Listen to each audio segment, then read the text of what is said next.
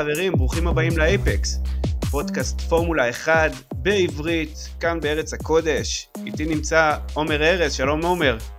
אהלן, אהלן תומר. אני תומר נוח, ואנחנו uh, נתחיל בדבר ראשון בלהזכיר לכם שאנחנו תחת קבוצת גמלים מדברים, uh, קבוצת, פודקאסט אוהדים של הפועל באר שבע, אתם כמובן, אם אתם אוהדי הפועל באר שבע, ובאופן כללי אוהבים כדורגל ישראלי, אתם מוזמנים להאזין. טוב, אז עומר, אנחנו ככה הקמנו uh, פודקאסט של פורמולה 1 ובעברית, ככה בשביל... Uh, בוא, בוא נספר קצת למאזינים שלנו למה בעצם התחלנו את הדבר הזה. טוב, אז uh, בעצם כל הרעיון הזה התחיל מפשן שאני חושב uh, נמשך משהו כמו שנתיים למען האמת, צפייה די, uh, די קבועה במרוצים. Uh, כמובן שהתחביב הזה התחיל הרבה לפני, אבל uh, אותי, כאילו, אם, אם להיות, אם להיות כן Drive to Survive ממש, ממש משך חזרה, להיות, להיות צופה קבוע. ושנינו הרגשנו נראה לי שזה הגיע כאילו המקום והזמן לבטא את כל מה שיש לנו לדבר עליו בתחום. לא, לגמרי. אני אגיד לך את האמת. אני נגיד, הייתי בתור ילד מאוד בעניין של פורמולה 1, מאוד בעניין של פורמולה 1, מאוד הייתי צופה במרוצים ועוקב, בטח בתור ילד אתה יכול, אתה יודע, יש לך את הימי ראשון שלך, ואתה יכול ככה לבוא ולראות מרוצים בראשון בצהריים ולעקוב, זה היה בדיוק, אני, אני התחלתי לעקוב בסוף אה, תקופת פרארי, בעיקר באליפויות של אלונסו, ואחרי זה רייקונל וכאלו, ואז היה לי דעיכה של הרבה מאוד שנים. והסדרה הזאת בעצם החזירה לי את הפשן לאותו ענף ספורט שבאמת בארץ היה נראה שהוא, אף אחד לא מכבד אותו. אף אחד לא רצה זה... להיות קרוב אליו. כן, כן, זה היה מין ספורט נידח כזה, אתה יודע, כאילו מאוד נישתי, מאוד, אה, מאוד בפינה, ואני חושב שהרבה יסכימו שבשנים האחרונות הוא פשוט התפוצץ. לנטפליקס יש הרבה, הרבה יד בדבר עם כמה שהאוהדים ההארדקור, אה, כאילו, קשה להם להודות בזה, אבל אה, אבל זה באמת, זה נהיה משהו מטורף לגמרי, במיוחד בעונה האחרונה. אה, ו- ולא חסר אה, תוכן בעצם, יש הרבה על מה לדבר. נכון מאוד. טוב, אז אנחנו בעצם אה, נתחיל בלדבר על נטפליקס, כי אין מה לעשות, זה הדבר שהכי חם, תמיד בעצם. העונה החדשה של Drive to Survive, נכון, העונה החדשה של המרוץ הניצחון, Drive to Survive, כמו שרוב האוהדים מכירים את זה, יצא לדרך. בוא נגיד את זה, להגיד את האמת לאמיתה, אני חושב שהעונה הזאתי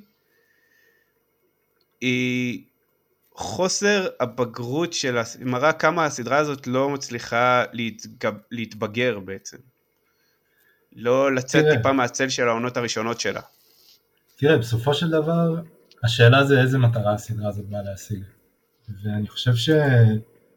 תראה, אני כן אסכים איתך שהסדרה כן צריכה לשנות את הפנים שלה, זאת אומרת מבחינת הקונספט, איך שהיא, מה שהיא באה להציג כרגע, אני חושב שזה טפל, עברנו את, ה, את השלב הזה, זאת אומרת, היא כן באה בשלב מאוד ראשוני למשוך קהל, אבל נראה לי שברגע שהקהל הזה נכנס בכמות כזאת לסבב הצופים בעצם, אז אין, אין, אין סיבה להמשיך עם הקונספט הזה, ובאמת אה, מרגישים שאיפשהו העונה הזאת, משהו שם כבר די חלוד, משהו שם לא עובד כמו שצריך.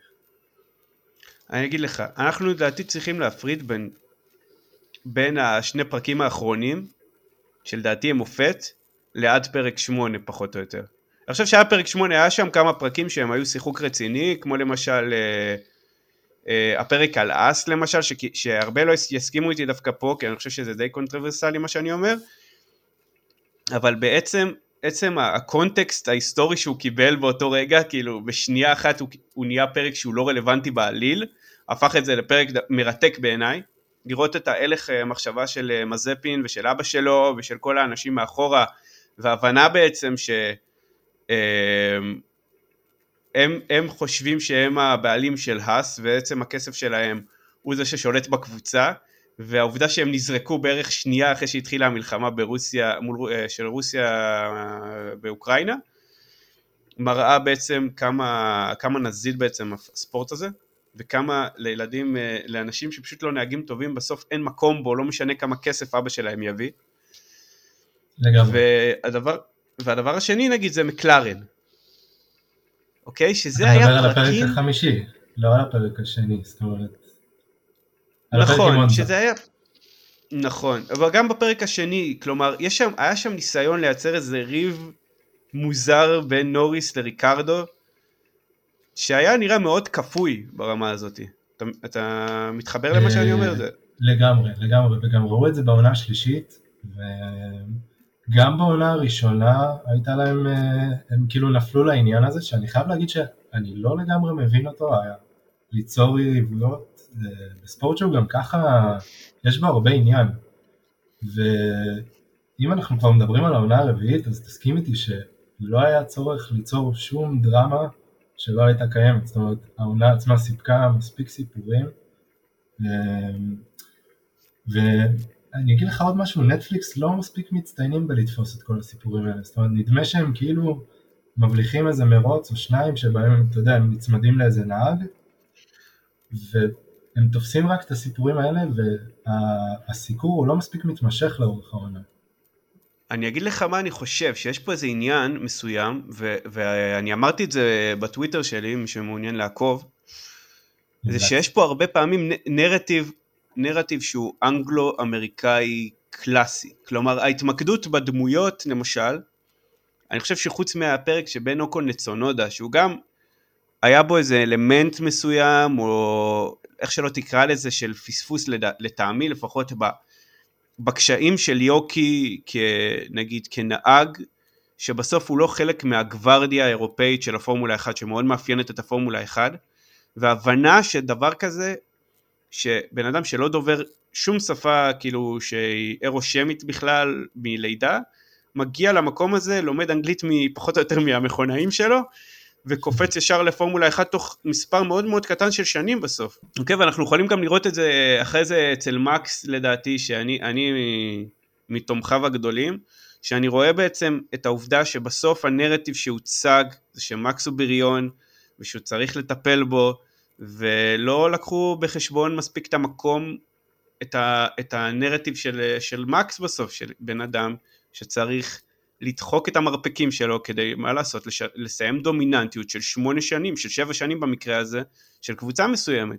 הנרטיב הוא מאוד אנגלו-אמריקאי, ו- וזה מאוד מאוד ניכר, וזה ברור גם למה, אגב, כי הם קהל היעד בסוף של הסדרה, הקהל הגדול. כן, האמת שזה נקודה טריקית, כי תראה, הרבה מהסיקור של הפורמולה הוא בריטי,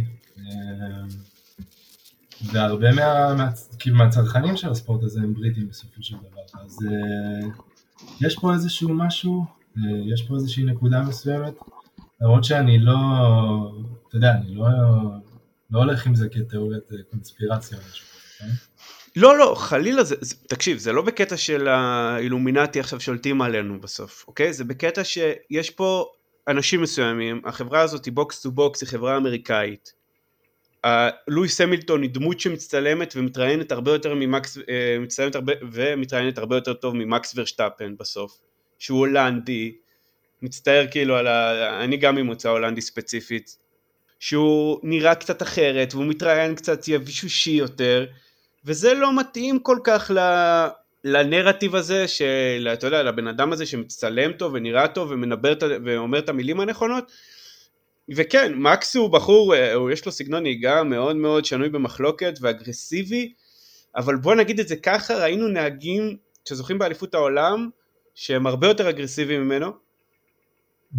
הם הרבה יותר, אה, נקרא לזה, אה, ערמומיים ממנו בסוף, והם זכו לתהילה מטורפת. אני, אני לא חושב שנהיגה אגרסיבית זה משהו שהוא נתון לגנאי בפורמולה 1, בטח לא בימינו, לדעתי.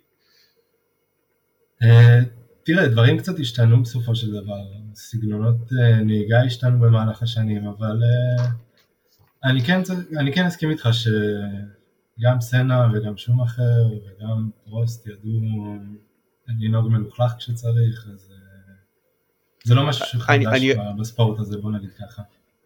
אגדיל ואומר שגם המילטון בעצמו ידע לנהוג מלוכלך כשצריך ולהיכנס בבין הקבוצה שלו שצריך ולדחוק את איזה נהג ממוצא בריטי תאילנדי כשצריך ואפילו את היריב הרציני שלו. אני נגיד רואה, אני לא רואה בזה, אני, אני כמובן מאוד מאוד חשובה לי בריאות הנהגים והעובדה שהם יצאו בריאים ושלמים, אבל זה שמקס יצא כל כך שלם, אה, אתה יודע, מהתאונה המחרידה שקרתה בסילברסטון, אה, והעובדה שהתעסקו ב, בזה שהגלגל שלו נחת על המילטון יותר, זה מראה על איזשהו נרטיב, כלומר יש פה איזה שני, לדעתי יש פה שני, לא, אירועים, אני לא מסכים איתך, דווקא בזה אני יש לא פה שני אירועים, אני חושב שיש פה שני אירועים שהם די דומים בסופו של דבר, שיש את האירוע במונזה ויש את האירוע בסילברסטון. ההצגה של אחד הוא כמחריד, כמעט יכול להרוג את לואיס, והשני הוא, דבר ראשון שעושים זה שרואים, מראים את לואיס עם אקס אוקיי, ואז אה, אתה יודע, את כל התלונות הרגילות. בסוף, אני חושב שיש פה, אתה יודע, כמה כמה, אה, אתה יודע, משחקים כאלו, כל מיני טוויסטים העלילתיים כאלה שעובדים בעיקר לטובת מרצדס, או הצגה... אני, טוב, אנחנו עוד מעט נדבר על הפרק האחרון, אבל אני רוצה שקודם כל אה, תגיד מה אתה, מה אתה חושב על הדברים שאמרתי כרגע. בעניין, בעניין ה... פצחתי פה כשבמניפסט, אתה מבין? לא, כשזה מגיע למקס זה נושא רגיש, סתם. לא, תשמע, אני חייב להגיד לך שהעניין של התאונה בסילברסטון לעומת התאונה במונזה, אני דווקא לא ראיתי איך אחת מוצגת יותר מהשנייה באור כזה או אחר, ואני דווקא כן רוצה להגיד לך שכשאתה רואה את הפרק הזה, אה, אם אני לא טועה זה הפרק השלישי, אה, כן, זה הפרק השלישי אם אני לא טועה, שמציגים את התאונה בסילברסטון, אז אני לפחות כן איכשהו קיבלתי את ה vibe הזה שמנסים להעביר לך שהמילטון כאילו מתנצל מאוד אחרי תאונה ואומרים לאורך כל הפרק שהוא מוכן לעשות כל מה שאפשר ואם תדחוק אותו לקיר אז הוא יתהפך עליך. הרי הם כאילו מנסים להראות שהוא איפשהו כן עשה את זה בכוונה למרות ששוב אני מנקודת המבט שלי לא חושב ששתי התאונות האלה היו אה, איזה שהם אתה יודע עניין של זדון. כאילו חס וחלילה אם יהיה לנו נהג שעושה דברים כאלה בכוונה זה נראה לי נהג שצריך... אני חושב ששתי התאונות הם racing incident די קלאסיות הייתי אומר, הוא לא עשה ככה, הוא לא עשה ככה, זה מה שקורה.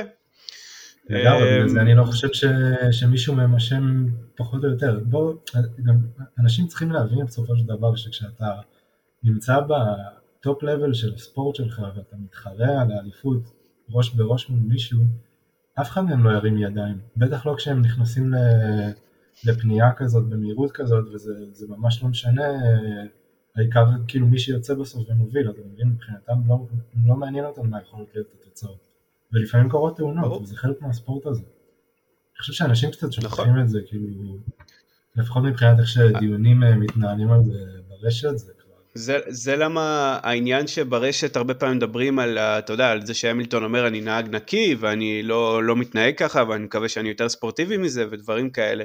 זה בדיוק מה שאני מדבר על נרטיב. בסוף זה כאילו להציג אותו כאיזה צח כשלג ואת מקס כאיזה בריון. אני, אני מצטער, אני חושב באופן כללי שרוב הנהגים הם, הם מאוד מאוד אגרסיביים והם די חבורה של חלאות באופן כללי. כלומר, אני, אני מספיק, אה, אתה יודע, אני עוקב מספיק זמן כדי לזכור שגם את אה, סבסטיאן וטל, שעכשיו הוא מלך בדיחות האבא, והטיפוס הנחמד והדוד הנחמד, אני זוכר שכולם שנאו אותו כשהוא זכה באליפויות. אה, כשהוא היה נחשב ילד, שחצ... ילד שחצן, ואני גם זוכר מספיק שאת המילטון מאוד מאוד שנאו כשהוא היה צעיר. אני חושב שאין לך ברירה חוץ מלהיות חצוף ובריון כדי להיכנס לתוך ה... לתוך, אתה יודע, לתוך אליפות העולם, לתוך הקרבות של אליפות העולם, אתה לא יכול להיות לא חצוף ולא בריון, אתה, אתה מבין מה אני אומר? ולא שחצן. זה לגמרי, זה לגמרי חלק מהאופי של הספורטאים האלה, זה לא, זה ספורט קבוצתי, אבל שוב, עד רמה מסוימת, כן? בסופו של דבר, נכון, זה, בסוף זה לא כדורגל. לגמרי, זה לא, זה לא ספורט ש, שזוכים בו כאילו בזכות הקבוצה, לפחות לא באליפות הנהגים, אתה יודע, במיוחד ב... אנחנו זוכרים שנים, אה, בטח לא מזמן ששני המתחרים היו מאותה קבוצה, ואז אה, כמעט ואין שום משמעות ל... לעניין של הקבוצה. אתה, אתה רואה גם למשל, במקרים למשל כמו, אה, בוא ניקח, את האמת שלואיס, בגלל, בגלל השנים האחרונות, לואיס המילטון טיפה יותר מעורב אפילו בעניין הזה, כי הוא היה בשתי קבוצות נורא דומיננטיות בצורות שונות, כן, היה גם את מקלרן בתחילת, אה, בסוף שנות האלפיים המוקדמות, ב-2007 ו-2008 שהייתה קבוצה סופר מהירה, אה, עם, בטח ב-2007 עם איתו ועם אלונסו, שברור לכולם שאם הם היו בוחרים נהג ראשון זה לא היה פה קרב על אליפות העולם בכלל. לגמרי. בשום כן, צורה זה- שהיא מול פרארי. קימי ו- די גנב שם את כל הסיפור, בוא נגיד ככה. נכון, יש, יש גם כל מיני תיאוריות קונספירציה כמובן על העובדה עם, אה, על אה, כל הספייגייט וכאלה, אבל את זה אני כן. משאיר לקונספירטורים. אה, וב-2000, וגם ב-2016 עם ניקו רוסברג, וזה גם התחיל, כמובן התחיל לפני זה, גם ב-2015 עם ניקו רוסברג, זה היה מאוד מאוד אמוציונלי בסוף.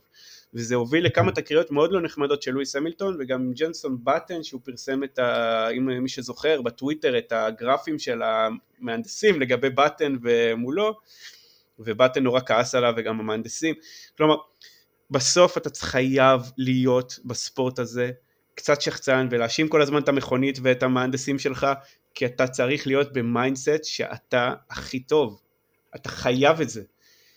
לגמרי. אני חושב שזו הסיבה שמקס ורשטפן הוא היחיד שמסוגל כרגע להתמודד עם המילטון, לא בגלל שיש לו את ה driving skill, יש, הוא, הוא, הוא נהג מוכשר בטירוף, אף אחד לא מערער את זה, אבל אני חושב שיש הרבה נהגים מוכשרים בטירוף, אבל הוא בא עם ה mindset הנכון.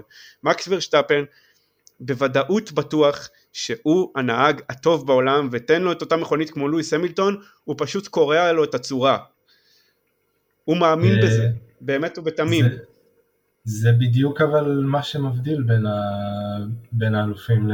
לסתם נהגים בפורמולה 1. תראה מה, אה, מה וטל עשה ל... לוובר, תראה מה המילטון עשה לאלונסו, וזה הולך עוד אחורה. כאילו. כן, ברור, זה הולך...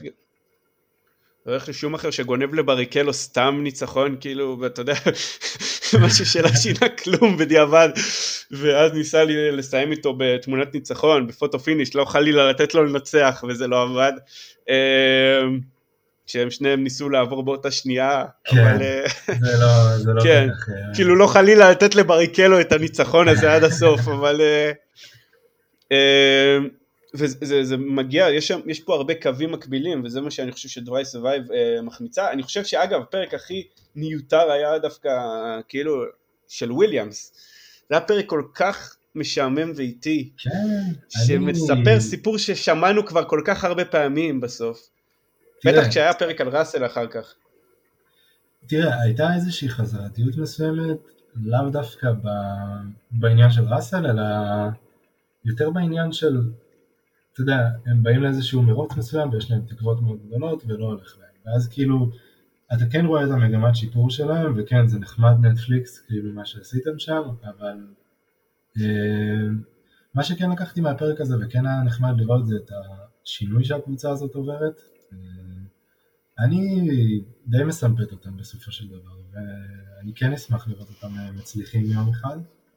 אה, ואולי בגלל זה גם טיפה אהבתי את הפרק הזה יותר ממך, אבל אה, ראסל עשה לי שם קצת, אני לא, אני לא אוהב אנשים שאומרים לה שאנשים אחרים צריכים להיות מפוטרים, אני מצטער, זה קצת אולי אה, רגע שלי, אבל אני מאוד לא, לא מסמפת את זה. סליחה? כאילו, אז רס, רס, ראסל ירד, שהוא אמר שיש אנשים שיושבים שם יותר מדי זמן, הם כנראה צריכים ללכת. קשה לי עם זה, כאילו קשה לי עם, עם הטיפה, בסוף הוא, הוא הנהג, אוקיי? אתה הוא הזה שמרוויח את הכסף הגדול, רוב האנשים שם לא מיליונרים.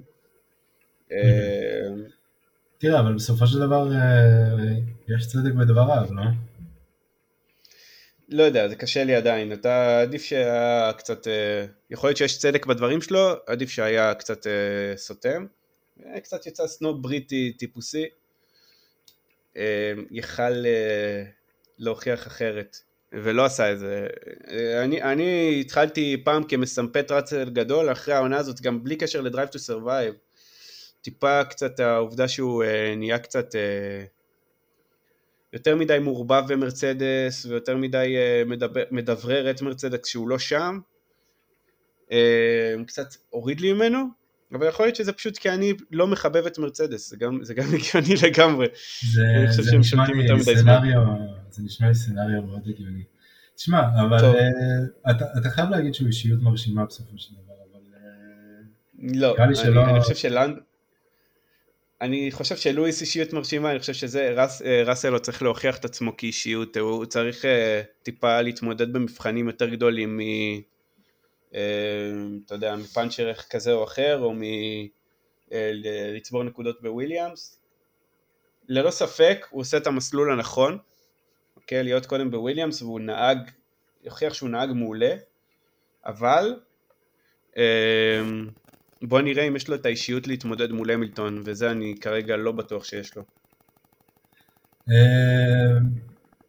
תראה, אני לא יודע אם בשלב הזה של הקריירה שלו הוא יגיד, כאילו, מרצדס בכלל יתעלו אותו ל, ל, למסלול כזה שהוא ראש בראש נגד המילטון, אבל לדעתי הוא נהג גדול, ולפחות לפי השנים המקדמות שלו, זאת אומרת הקריירה שלו בפורמולות היותר צעירות למשל, אבל רק הזמן יגיד גם, זה לא משהו ש... שאפשר באמת... ברור, טוב, בסוף הוא גם בן 24, אוקיי? הוא לא ייכנס, כנראה שהוא לא ייכנס לרשימת האלופים מתחת לגיל 25 יחד עם ורשטפן, אלונסו והמילטון, אבל בסדר, אתה יודע, בסוף לכל אחד יש את הקצב שלו, וגם קצת, אנחנו אולי נדבר על זה אחר כך, אבל ראסל ובאופן כללי האקדמיה של מרצדס זה אחלה מקום לתקוע את הקריירה שלך. לגמרי, לסיים אותה ולעבור לפורמולה E, חד משמעית.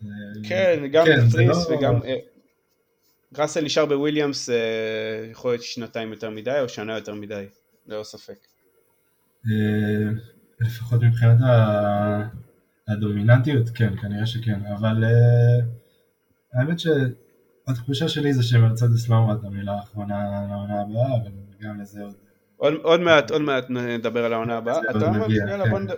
בוא נדבר עכשיו על העונה הבאה. אוקיי, מה שקרה, מה שכדי לעשות את זה טיפה יותר מעניין, תקשיבו, שנינו לא מהנדסים, לא אני ולא עומר, עומר הוא אולי אה, בן אדם מאוד חכם, ואני לומד אה, דברים אחרים, דברים יותר רומניים, אבל בסוף אנחנו... אה, לא באמת יודעים מה קורה, למרות המבחנים שנעשו בבחריין וברצלונה בשבועיים האחרונים, אה, בחודש האחרון, אנחנו לא באמת יודעים מה קורה, כלומר יש הרבה שעשו סנדבגינג מה שנקרא, כלומר אה, המכוניות אנחנו לפי שמע, שמענו אה, לפי החדשות שרוב המכוניות היו הרבה יותר כבדות ממה שהן אמורות להיות, גם שמענו בסוף גם אנשים עוד הולכים לעשות שיפורים מסוימים במכונית שלהם, חלק לא בדיוק ניסו יותר מדי לעשות דברים, רק בדקו אירודינמיות ומרצדס באופן כללי אוהבים להתלונן על זה שהמכונית שלהם גרועה ואז מנצחים את כולם, אז אה, אנחנו לא לוקחים אותם באמת אה, ברצינות.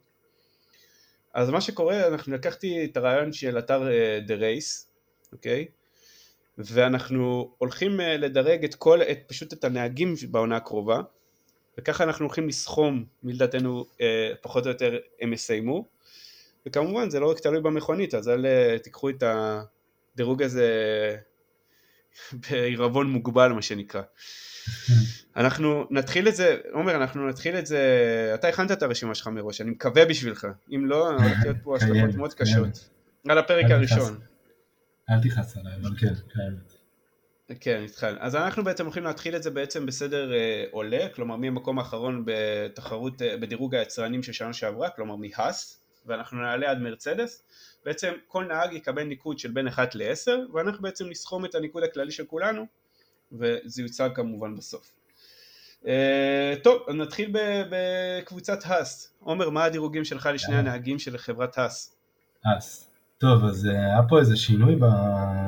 ממש לפני המבחנים, אז uh, אני אציג את זה ככה. אז מגנוסן אני נתתי לו 7. אחרי זה אני אסביר גם למה. ומיק אצלי שש וחצי. עכשיו תראה. טוב, אתה, אתה נתת ציונים יותר גבוהים ממני, אבל בסדר, אנחנו... אני הלכתי על החצי העליון של ה... כן, הלכתי על החצי העליון של הספר. אני הצד, אני השוטר הטוב בסיפור. אתה השוטר הטוב בעניין הזה. אוקיי. כן. אה, תראה, אם אנחנו מדברים על הצמד של אס, אז דבר ראשון, אני חושב שהשינוי הזה, עזוב למה ואיך זה קרה, אני חושב שהוא מאוד מבורך לקבוצה. אה, ראינו גם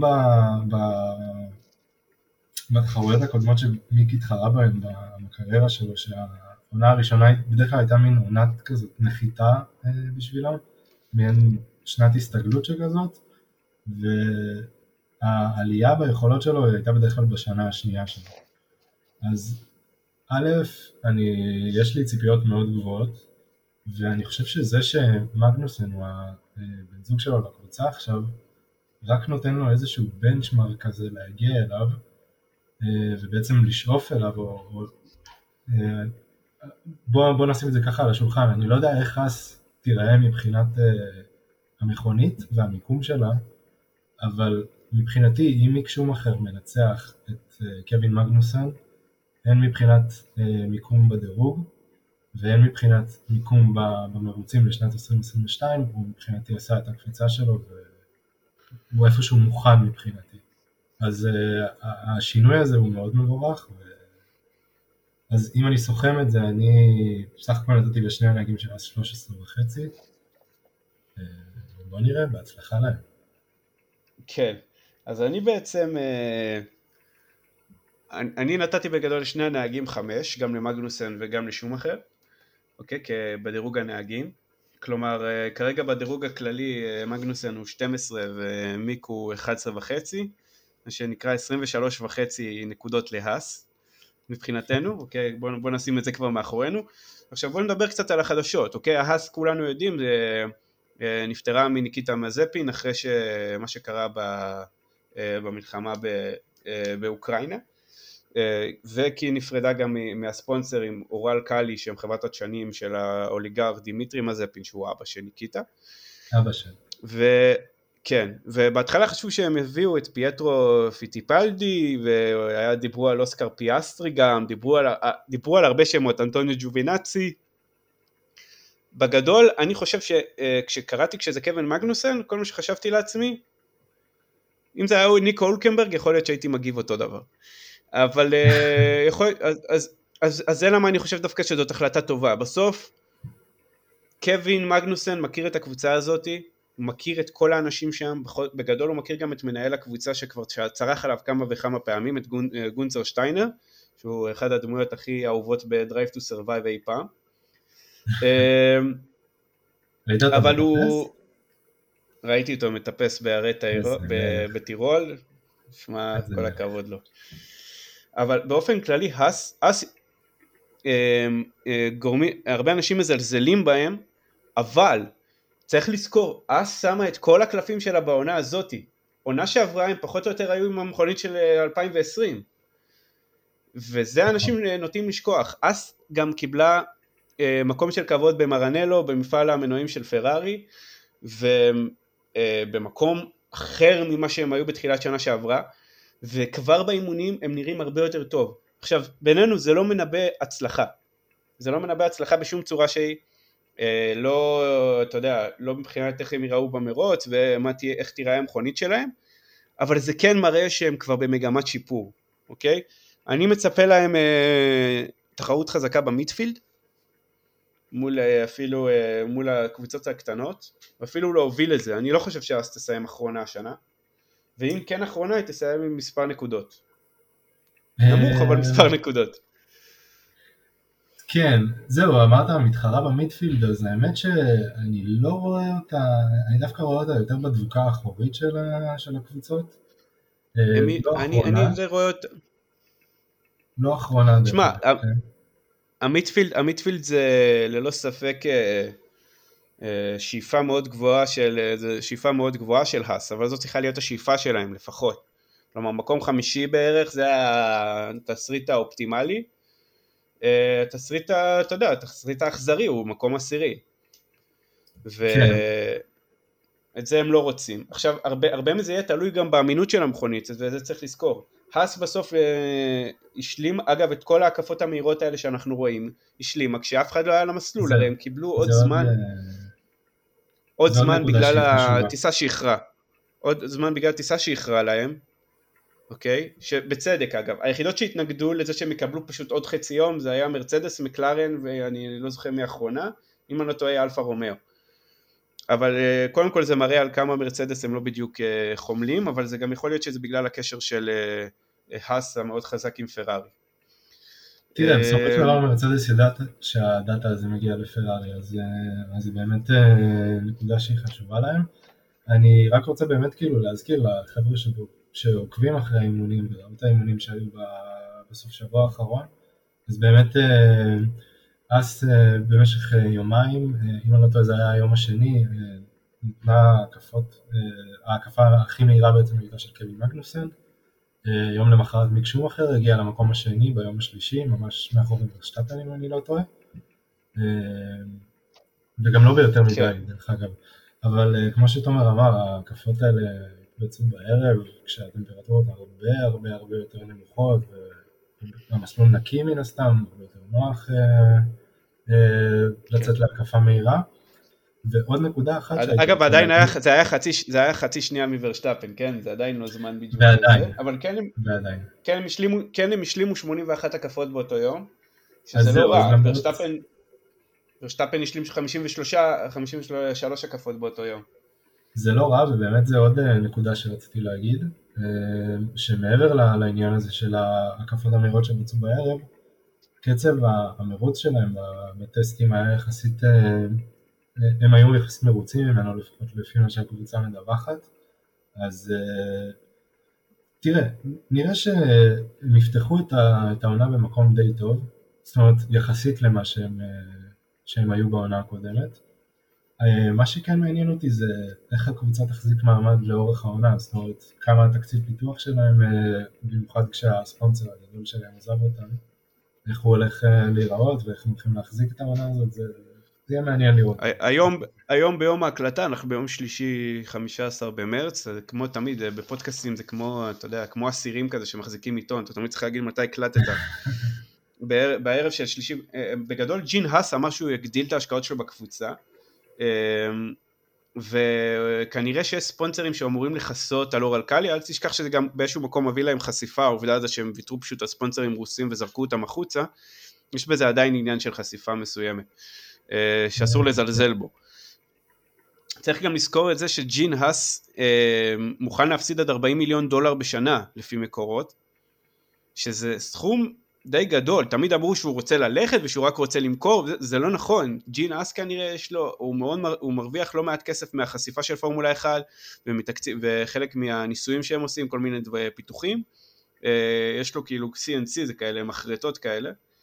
אה, כן, אני בטוח שגם הקשר עם פרארי טוב.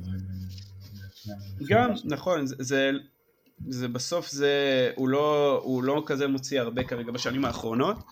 אבל זה ללא ספק אה, לא משהו שאנחנו תמיד, תמיד חושבים שהוא רק רוצה למכור וזה, זה פשוט אה, מוכיח את עצמו כלא נכון עם השנים.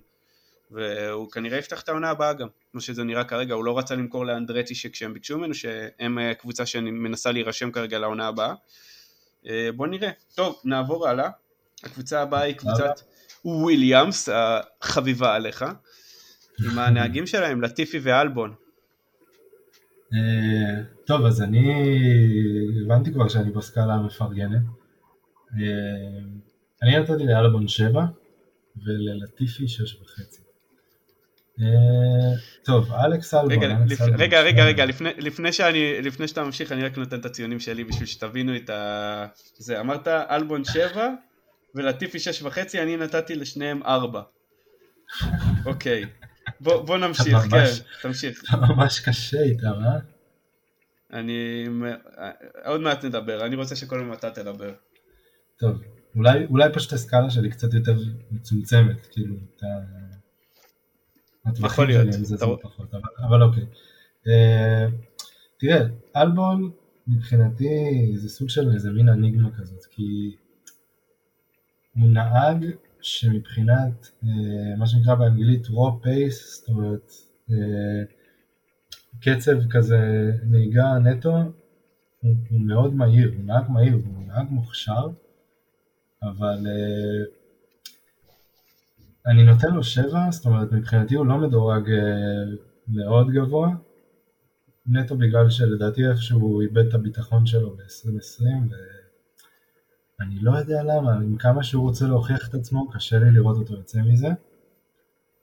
אה, ולטיפי עם שש וחצי, תשמע, עם כל הכבוד, הוא נהג בסדר גמור, והוא גם הוכיח את עצמו בעונה הקודמת אה, עד כמה שאפשר, אבל, אה, אבל אין לו את זה.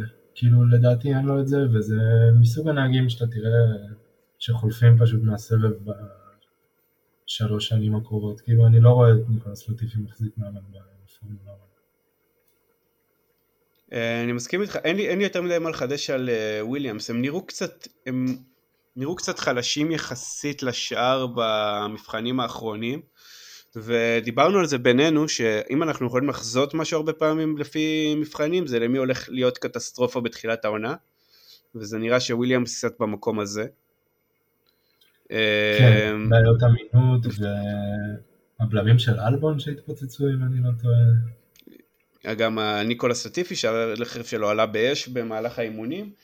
באופן כללי וויליאמס עם, אה, עם ההנהלה החדשה שם אה, של יוס קפיטו הם כן קבוצה שיכולה להשתפר עם הזמן אמ, אבל מאוד יכול להיות, אני לפחות חושב, אה, הציונים שלי יעידו, אוקיי? יש, לנו, יש להם 21 וחצי, אוקיי?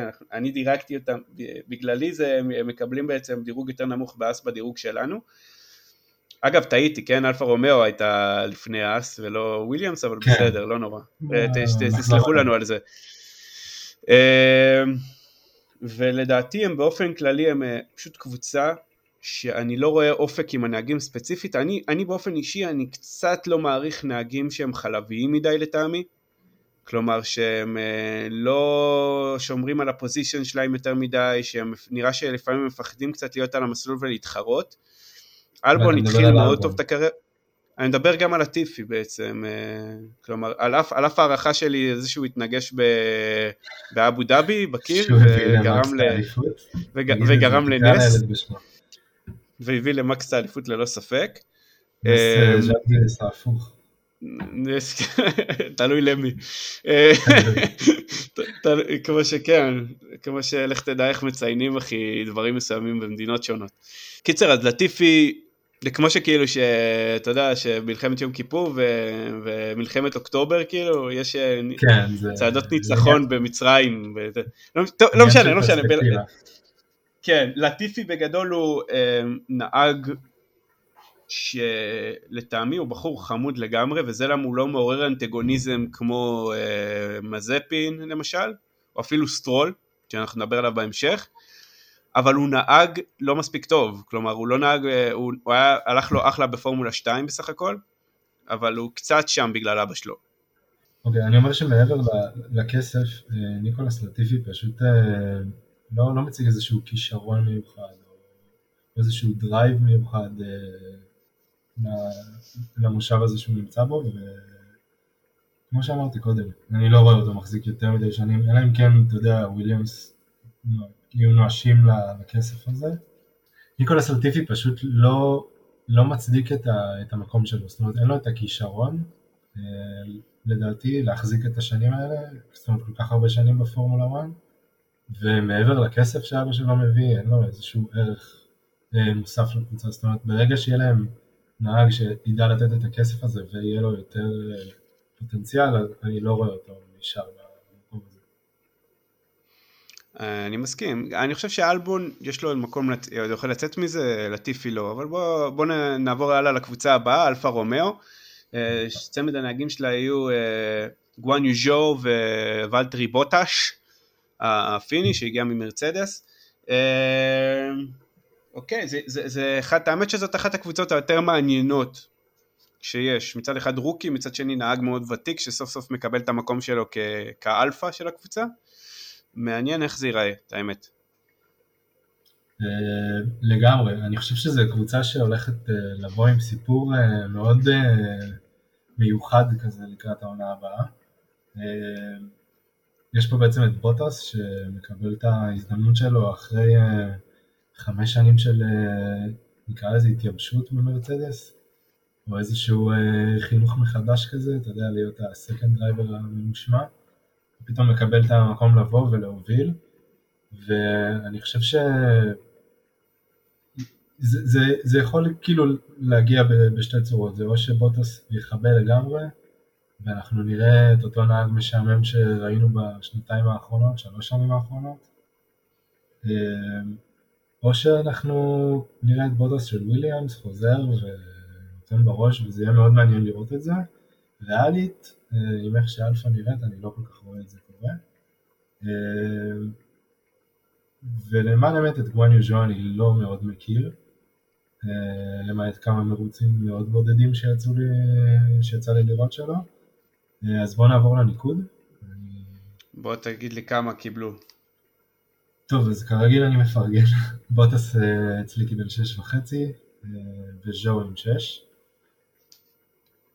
אוקיי, אני, קיבל, אני נתתי גם לבוטס שש וחצי האמת. לכן הוא כרגע הנהג עם הניקוד הכי גבוה שלנו, וקיבלתי לז'ו 4 מעצם, מעצם הדיפולט, כלומר מעצם זה שזה נהג שאנחנו לא באמת מכירים אותו בפורמולה 1. הם בגדול עם 23 נקודות, זה עדיין מתחת להאס אגב, בניקוד שלנו, אבל זה יהיה מעניין.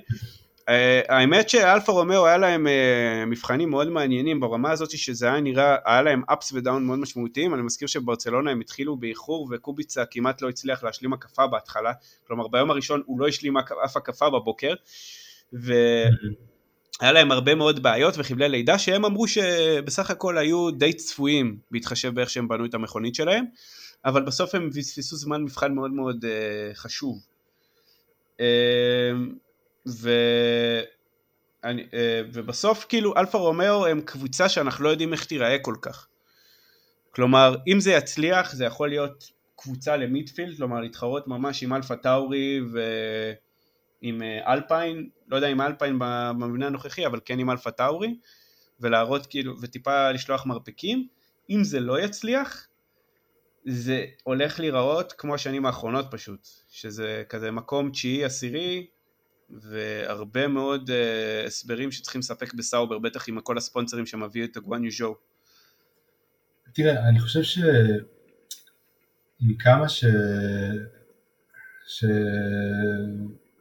שיש להם פוטנציאל כביכול ודיברו על הרכב כ... זאת אומרת, הם דיברו על הרכב כמשהו שמביא פתרונות יחסית אה, יצירתיים וחדשניים. אני חייב להגיד שהקבוצה הזאת בעיניי היא די אנמית ואני לא רואה אותה מתקדמת, ההפך, אני, אם אתה שואל אותי, אלפה, אה, רומאו הולכים לסיים את העונה במקום האחרון. או-אה, זאת הצהרה גדולה בהתחשב בזה שוויליאמס קיימים. אה, אני, אני באמת, אה, אני, אני, שוב, אנחנו כרגע מסתמכים רק על המבחנים, נגיד ביום האחרון של המבחנים, בוטס היה, אם, רגע סליחה נראה לי שגואן יוז'ו זה שהתחרה, אה גם וגם בוטס, בוטס סיים שישי, גואן יוז'ו סיים uh, בסביבות המקום ה-11 מבחינת הזמנים, אבל uh, וכן זה נראה טיפה יותר טוב מבחינת ההקפות, אבל עדיין זה לא, לא נראה זה, מה שאומרים, איט. לא, גם, גם לבוטס היו בעיות ברכב אם אני לא טועה. כן, היה שם הרבה בעיות, היה שם הרבה טיפולים. אה, וגם גואן וז'ו ביום הראשון אם אני לא טועה היו לו איזה כמה בעיות שמנעו ממנו זמן, אה, זאת אומרת, זמן יקר על המסלול. אה, זה בעייתי, תראה הדברים האלה מצטברים בסופו של דבר הדברים האלה מצטברים. אתה מפספס זמן בברצלונה, אתה מפספס זמן בבחריין. כל דקה וכל דאטה שאתה לא אוסף בעצם משאיר אותך מאחור מול המתחרים שלך. המזל, אני חושב שהמקום הטוב של, של אלפה רומאו זה שקודם כל יש להם את סאובר מאחוריהם, שזה בסוף קבוצה שהיא מאוד מאוד מנוסה ויש לה את, ה, אה, את המומחים שלה ויש לה את המנהרות שלה ויש לה בסך הכל facilities לא רעים בכלל. גם העובדה שיש להם ספונסרים סינים עכשיו יכולים לאפשר להם תקציב פיתוח מאוד בקרוב. כלומר אנחנו, הם, יכול מאוד להיות שיש להם את האופק הזה שם, כרגע זה נראה רע מאוד. Uh, טוב, אז uh, הבאים בתור, אתה יודע מי הם, אני יודע מי הם, האם אנחנו רוצים לומר אותם? אסטון מרטין, הקבוצה הבריטית עם דעתי עם המכונית הכי יפה עד עכשיו, אבל uh, אתה לא נראה לי מסכים איתי. אה, לא, האמת שיש שם קריצה לג'ורדן, יש שם קריצה לג'ורדן ואני... אני מאוד אוהב פשוט את ה... אני מאוד אוהב את ה racing green, את ה British racing green, זה מאוד מאוד, אה, אני מאוד אוהב את הצבע.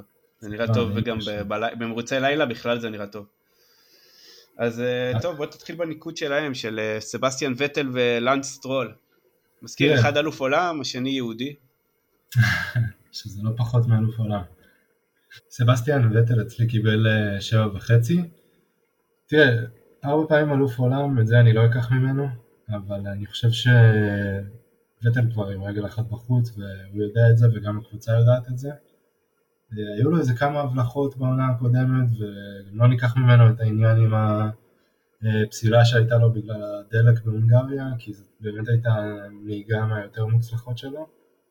אמ, ואני כן חושב שהוא עוזר לקבוצה לפתח את המכונית, אבל בזמן הקרוב אני לא רואה איך הוא מקדם את הקבוצה יותר מדי. אה, ולסטרול נתתי 6, כי למען האמת, אני תמיד הייתי מאלה שאמרו שלאנסטרול אה, הוא באמת נהג מוכשר, ושאתה יודע, יצא לו התדמית הזאת של הילד המפונק והעשיר שנכנס לפורמולה 1 בלי שום סיבה, אבל אני באמת לא חושב שזה ככה. והוא הראה את עצמו והוכיח את עצמו גם בקטגוריות הנמוכות יותר, אבל אה, אני לא רואה אותו מתעלה יותר מדי מעל עצמו, ואני לא רואה אותו סוחף את הקבוצה, אה, והוא נהג די, די אנמי בסך הכל לדעתי. אני נתתי ללאנס סטרול אה, את הציון המעולה לדעתי, סתם, של שש גם, ונתתי לווטל שש, וח... שש וחצי. ואני אסביר את עצמי. קודם כל, אני, אני מהמעריצים של סבסטיאן וטל, אבל באמת בשנים האחרונות זה לא זה. ולאנס סטרול אני באמת חושב שהוא נהג אה, הרבה יותר מוכשר ממה שאנשים חושבים. כלומר, אני חושב שהוא קודם כל אחד מנהגי הגשם היותר טובים על ה... היום ב grid. הרבה יותר ממה שנהוג לחשוב. אמ, ובסוף, עד כמה שהוא כאילו rich kid וזה, הוא הוכיח את עצמו. קודם כל יש לו כבר pole position, יש לו פודיום בגיל מאוד מאוד צעיר. אמ, לעומת, אה, ויש לו קצת אטיטוד, נכון?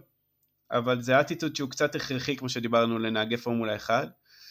ואני קצת לא מתרגש מעניין ה pay driver, אני חושב שזה קצת אה, overrated, אני חושב שאם אתה טוב, אתה טוב פשוט וזהו. במקרה של סטרול ברור שזה אפילו עולה מדרגה כי אבא שלו הבעלים של הקבוצה, אבל אני לא חושב שהוא לא הצליח בגלל אה, זה שהוא גרוע, או ש... אני חושב פשוט שהמכונית שנה שעברה הייתה פשוט לא מספיק טובה. כלומר, היא לא התפתחה מספיק מאז רייסינג פוינט.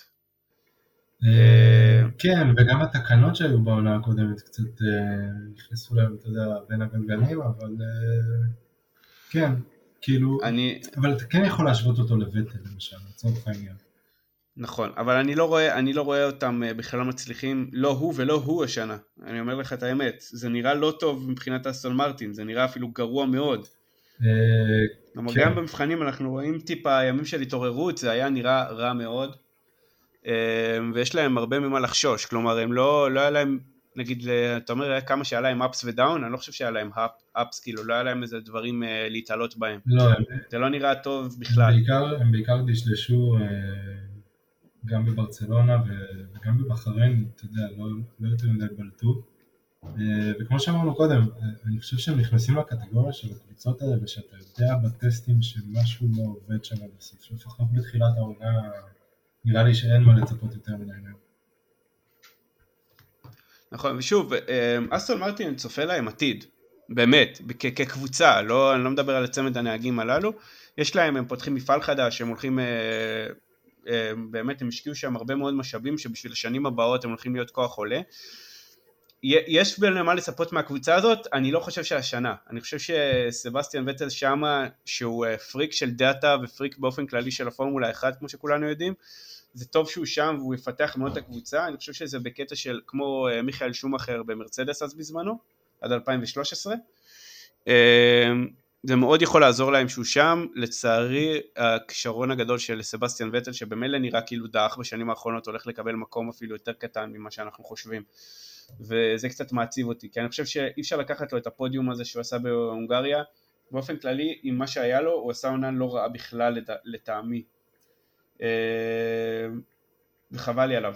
אני מאוד אוהב את אה, סבסטיאן וטל, אולי אני קצת אוהב נהגים מניאקים, אבל אהבתי אותו כמעט מהיום הראשון. אה, כן, ותראה, ממניאק הוא נהיה לדמות מאוד חביבה כזאת, אז תראה, אני לא חושב שאנשים גם שוכחים. זה רק מראה כמה...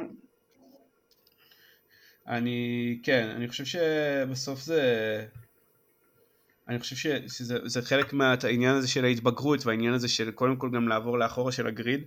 לצערי הוא לא זכה בעוד אליפות, אבל בסדר, זה, זה לגיטימי, זה קורה. ארבע אליפויות זה לגמרי הספק, אה, ארבע אליפויות זה הספק מדהים לדעתי. ארבע אליפויות. אה, נעבור לקבוצה. נעבור אז לקבוצה הבאה, כי אני לא חושב שיש לו יותר מדי מה להגיד על אלפה רומר, על אה, אסטון מרטי, שקודם כל היא מקבלת אצלנו 26 נקודות, היא כרגע בראש בין ארבע קבוצות שבחנו. בהפרש די ניכר יש לומר. כנראה בזכות uh, סבסטיאן. כנראה. Uh, נדבר על uh, אלפה טאורי, uh, קבוצת האחות או קבוצת הבת של רדבול, תלוי את מי שואלים ובאיזה יום. Uh, פייר גסלי ויוקי צונודה, שניהם יהיו הנהגים כמו שנה שעברה בקבוצה הזאתי. Uh, וזה יהיה מעניין את האמת. Uh, כן, כן, אלפה טאורי למען האמת נראים די טוב בטסטים האלה, במיוחד בבחריין אני חייב להגיד. עם כמה שהמכונית שלהם היא יחסית אה, קופצנית כזאת, הזמנים היו יחסית אה, טובים, זה לא אומר יותר מדי, אבל אה, בסך הכל ההספק של הנהגים מבחינת הקפות היה לא רע, ויהיה מעניין לראות אותם. בכל אופן, אני נתתי לפייר גסלי את הציון 8. יכול להיות שאני קצת פנבוי, אבל בכל זאת, אני חושב שהוא יודע להוציא את המקסימום במיוחד בסביבה הזאת של אה, אלפה טאורי, אה, שהוא מרגיש בה כל כך בנוח ורואים את זה, אה, במיוחד בשנתיים האחרונות, מאז שהוא חזר אחרי הסיבוב שלו ברדבול. וליוקי צונודה אני נותן חמש. מהסיבה הפשוטה שהוא פשוט היה מאכזב בשנה שעברה. ודיברנו קודם על Drive to Survive, והאמת שב...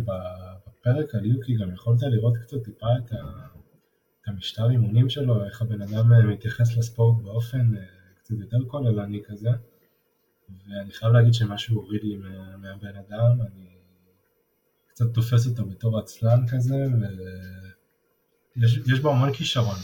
רואה את זה גם בפורמולה 2 וגם בפורמולה 3, אבל משהו לא, לא מתחבר שם עד הסוף, אם הוא לא יתאפס על עצמו, ואני חושב שהדלת החוצה מרדבול אה, פתוחה ומחכה. אני, אני קצת, אה, תרשה לי לקחת לפעמים את הדברים של אה, Drive to Survive בעירבון מוגבל, כמובן שהוא עבר משטר אימונים, אני חושב שזה אבל היה קצת, לעומת רוב האנשים שההורים מחכים להם בסוף בתוך הפדוק, בתוך, אתה יודע, בתוך המוסכים, זה משהו שאתה בקושי רואה אצל נהגים מהמזרח הרחוק, וכן, זה בסדר, צריך לחנך אותו, וזה לגמרי סביר. אני חושב שנתן סוף עונה לא רע בכלל, בטח עם המקום הרביעי באבו דאבי, אמ, וכמה מקצת דירוג מעולים, והוא גם פתח את זה לא רע בכלל. נכון, הוא צריך קצת uh, מקום לחיזוק. אני נתתי עדיין, אני די בדעה שלך, בסוף אני חושב שזו אותה עונה לא טובה. כשמצד אחד, זה, אני רואה את זה כעונת רוקי, מצד שני אני קצת הייתי, נתתי לו דווקא חמש וחצי, נראה לי זו פעם ראשונה שאני עובר אותך בציון. קצת יותר סלחני ממני, אשכרה. כן, ולגסלי, ולגסלי נתתי שבע. כלומר, כי אני באמת חושב שהוא באזור נוחות שלו, אבל אני חושב שבגלל העונה שלו במרצדס זה קצת, הורס, קצת מוריד לי ממנו, ואני הייתי רוצה לראות אותו בקבוצה אחרת. אני חושב שגסלי בסוף חזר לאזור נוחות וזכה גם במונזה בסוף עם אלפה טאורי והכל, אבל אין מה לעשות, אה, הוא צריך להוכיח שהוא יכול להתמודד באמת תחת לחץ ולא רק להיות הבן אדם שמפתיע מאחור. אמ, רוב העונה הוא היה מעולה, באמת, בשתי העונות האחרונות באופן כללי, מאז שהוא עזב את רדבול, אה, רדבול האם, הוא נראה הרבה יותר טוב, אבל זה עדיין, אני, אני קצת מצפה לראות ממנו טיפה, לפעמים נהיגה טיפה יותר, אה, נקרא לזה אמיצה לפעמים, בכל זאת, ואולי להגיע זה, אבל אני חושב שבנסיבות הוא עושה את, אה, בסך הכל את המקסימום. ומעניין לי לראות אותו איפה הוא יהיה בעונה הבאה אגב, העונה הזאת אולי טיפה, טיפה פחות מעניינת מבחינת המיקום שלו, עונה הבאה זה הולך להיות, אה, לדעתי הוא הולך להיות שם חם. זה רק הזמן יגיד, אבל אה, למען האמת, אני הייתי שמח גם לראות אותו מתקדם, ל...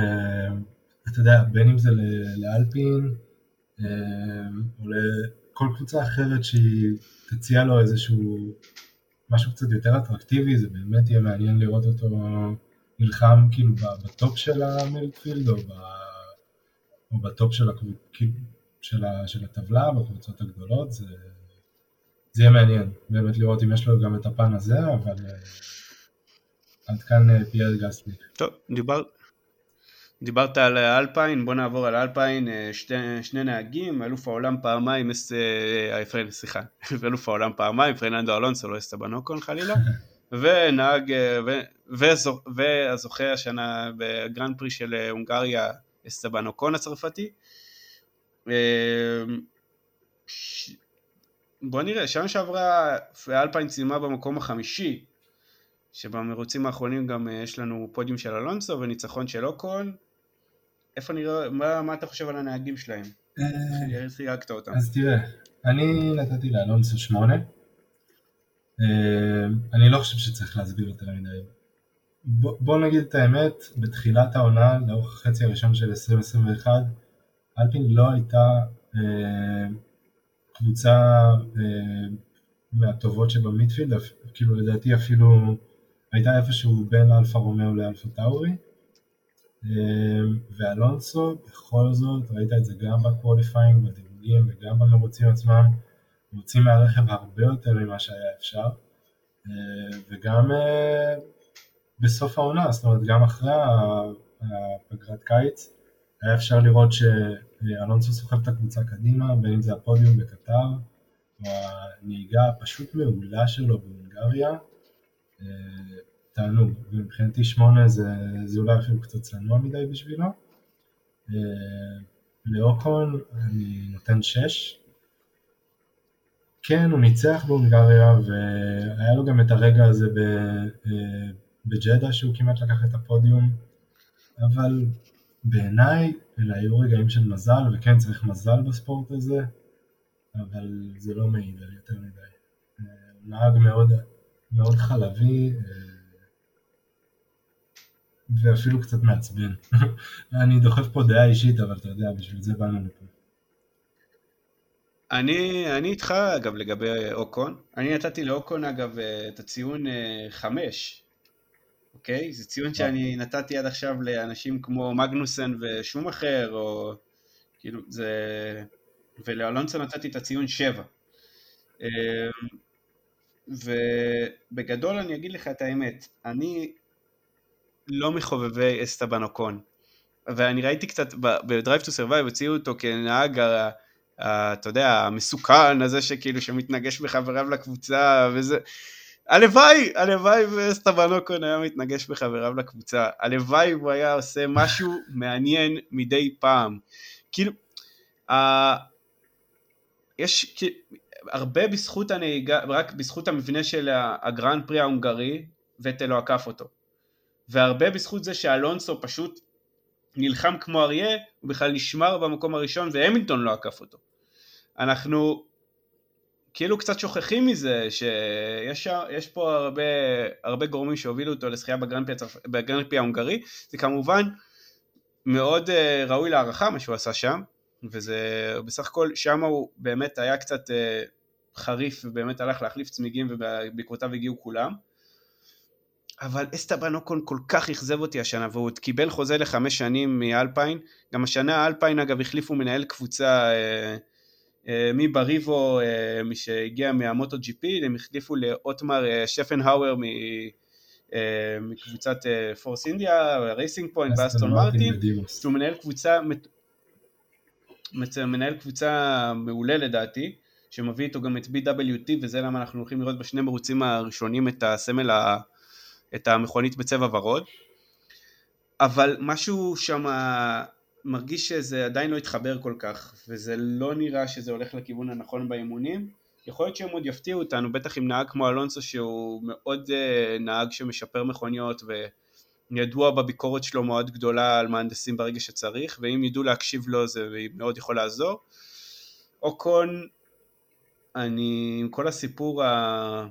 אני קצת גם נגדו אולי בגלל מה שהיה בעונה הראשונה של Drive to Survive, שכאילו שישבו אותו לצ'קו. כן, היה שם משהו. לא- וכאילו הוציאו את צ'קו כרע, וצ'קו נהג מעולה לדעתי, והוא סיים גם לפניו, אני מזכיר. אה, אה, זה, כן, לא, לא יודע, אני, אני פחות מהאוהדים של אה, אסטבן אוקון. אני... אולי אני, בשבילו אני מקווה שהוא יוכיח לנו ספציפית שאנחנו טועים. נחיה ונראה. אבל בוא לא- נתקדם. אני לא חושב, אבל כן. יש, יש לנו קבוצות קצת יותר... כן, אני גם לא מאחל את זה אגב, אני, אני לא, לא יודע, אין לי, אין לי אף פעם לא הייתה לי חיבה גדולה לא לרנו ולא לאלפיין. אה, אולי לרנו שאלונסו, אתה יודע, המקורית של 2005 ככה, אולי עוד היה לי קצת חיבה כדי שהפילו אז, אה, הביאו קצת עניין לענף, והיה פלאביו בריאטורי וכאלה. לא, זה לדעתי זה לגמרי, קצת... אה, זה לגמרי פלאביו שהכניס את הצבע. ואז מאז הקסם... אה, כן. טוב, הגענו ל... כן, היה את ה-V10 ה... הגענו לחלק המעניין. הגענו לטופ 4. כן, טופ 4 רגע, נגיד כמה אה, אלה קיבלו. החברים שלנו מאלפיין רנו קיבלו בינתיים 26 נקודות, שזה בדיוק אותו דבר כמו שנתנו לאסטון מרטין. ממ. כן, ובואו נמשיך עם קבוצת מקלרן הבריטית. שיש בה יריבות עמוקה מסתבר בין שני הנהגים לפי Drive to Survive, בין ריקרדו לנוריס, הם שונאים אחד את השני. למשל, כן, הם מציתים אה, שקיות עם קקי אחד לשני ליד הדלת, זאת הרמה נראה לי. שמעתי שריקרדו זרק לי הולך לדירה של נוריס. ממש חיסנו שם את כל העץ. הם עושים תעלולים אחד לשני, כאלה פושטקים, אין לו סימפתיה. דרך אגב, כן, גם לפי אה, דרפטו סורייב היה נראה שלנדון נוריס אה, עקף את ריקרדו איזה 20 פעם לפחות במונקו, אבל... אה, כן, כן, כן, היה שם... עקף אותו ועקף אותו ועקף אותו, הוא סיים, הוא סיים בסוף, לנדון נוריס סיים את המרוץ וריקרדו היה עדיין בהקפה חמש. אפשר שם מסכן עוד לסיים את המרוץ אחרי זה. כן. בגדול ריקרדו ריקרדו, ב... קודם כל נדבר על מקלרן רגע, היה להם הרבה בעיות באימונים, כל מיני בעיות טכניות, היו צריכים להביא ציוד במיוחד כדי לטפל במכונית. זאת לא התחלה טובה. אה, גם ריקרדו על הדרך חלה, חלה בקורונה, והוא נמצא חיובי. אה, לפי מה שעדיין לא, לא דיווחו אם כן או לא יתחרה, אני מאמין שבסוף הוא כן יתחרה בסוף המרוץ ב...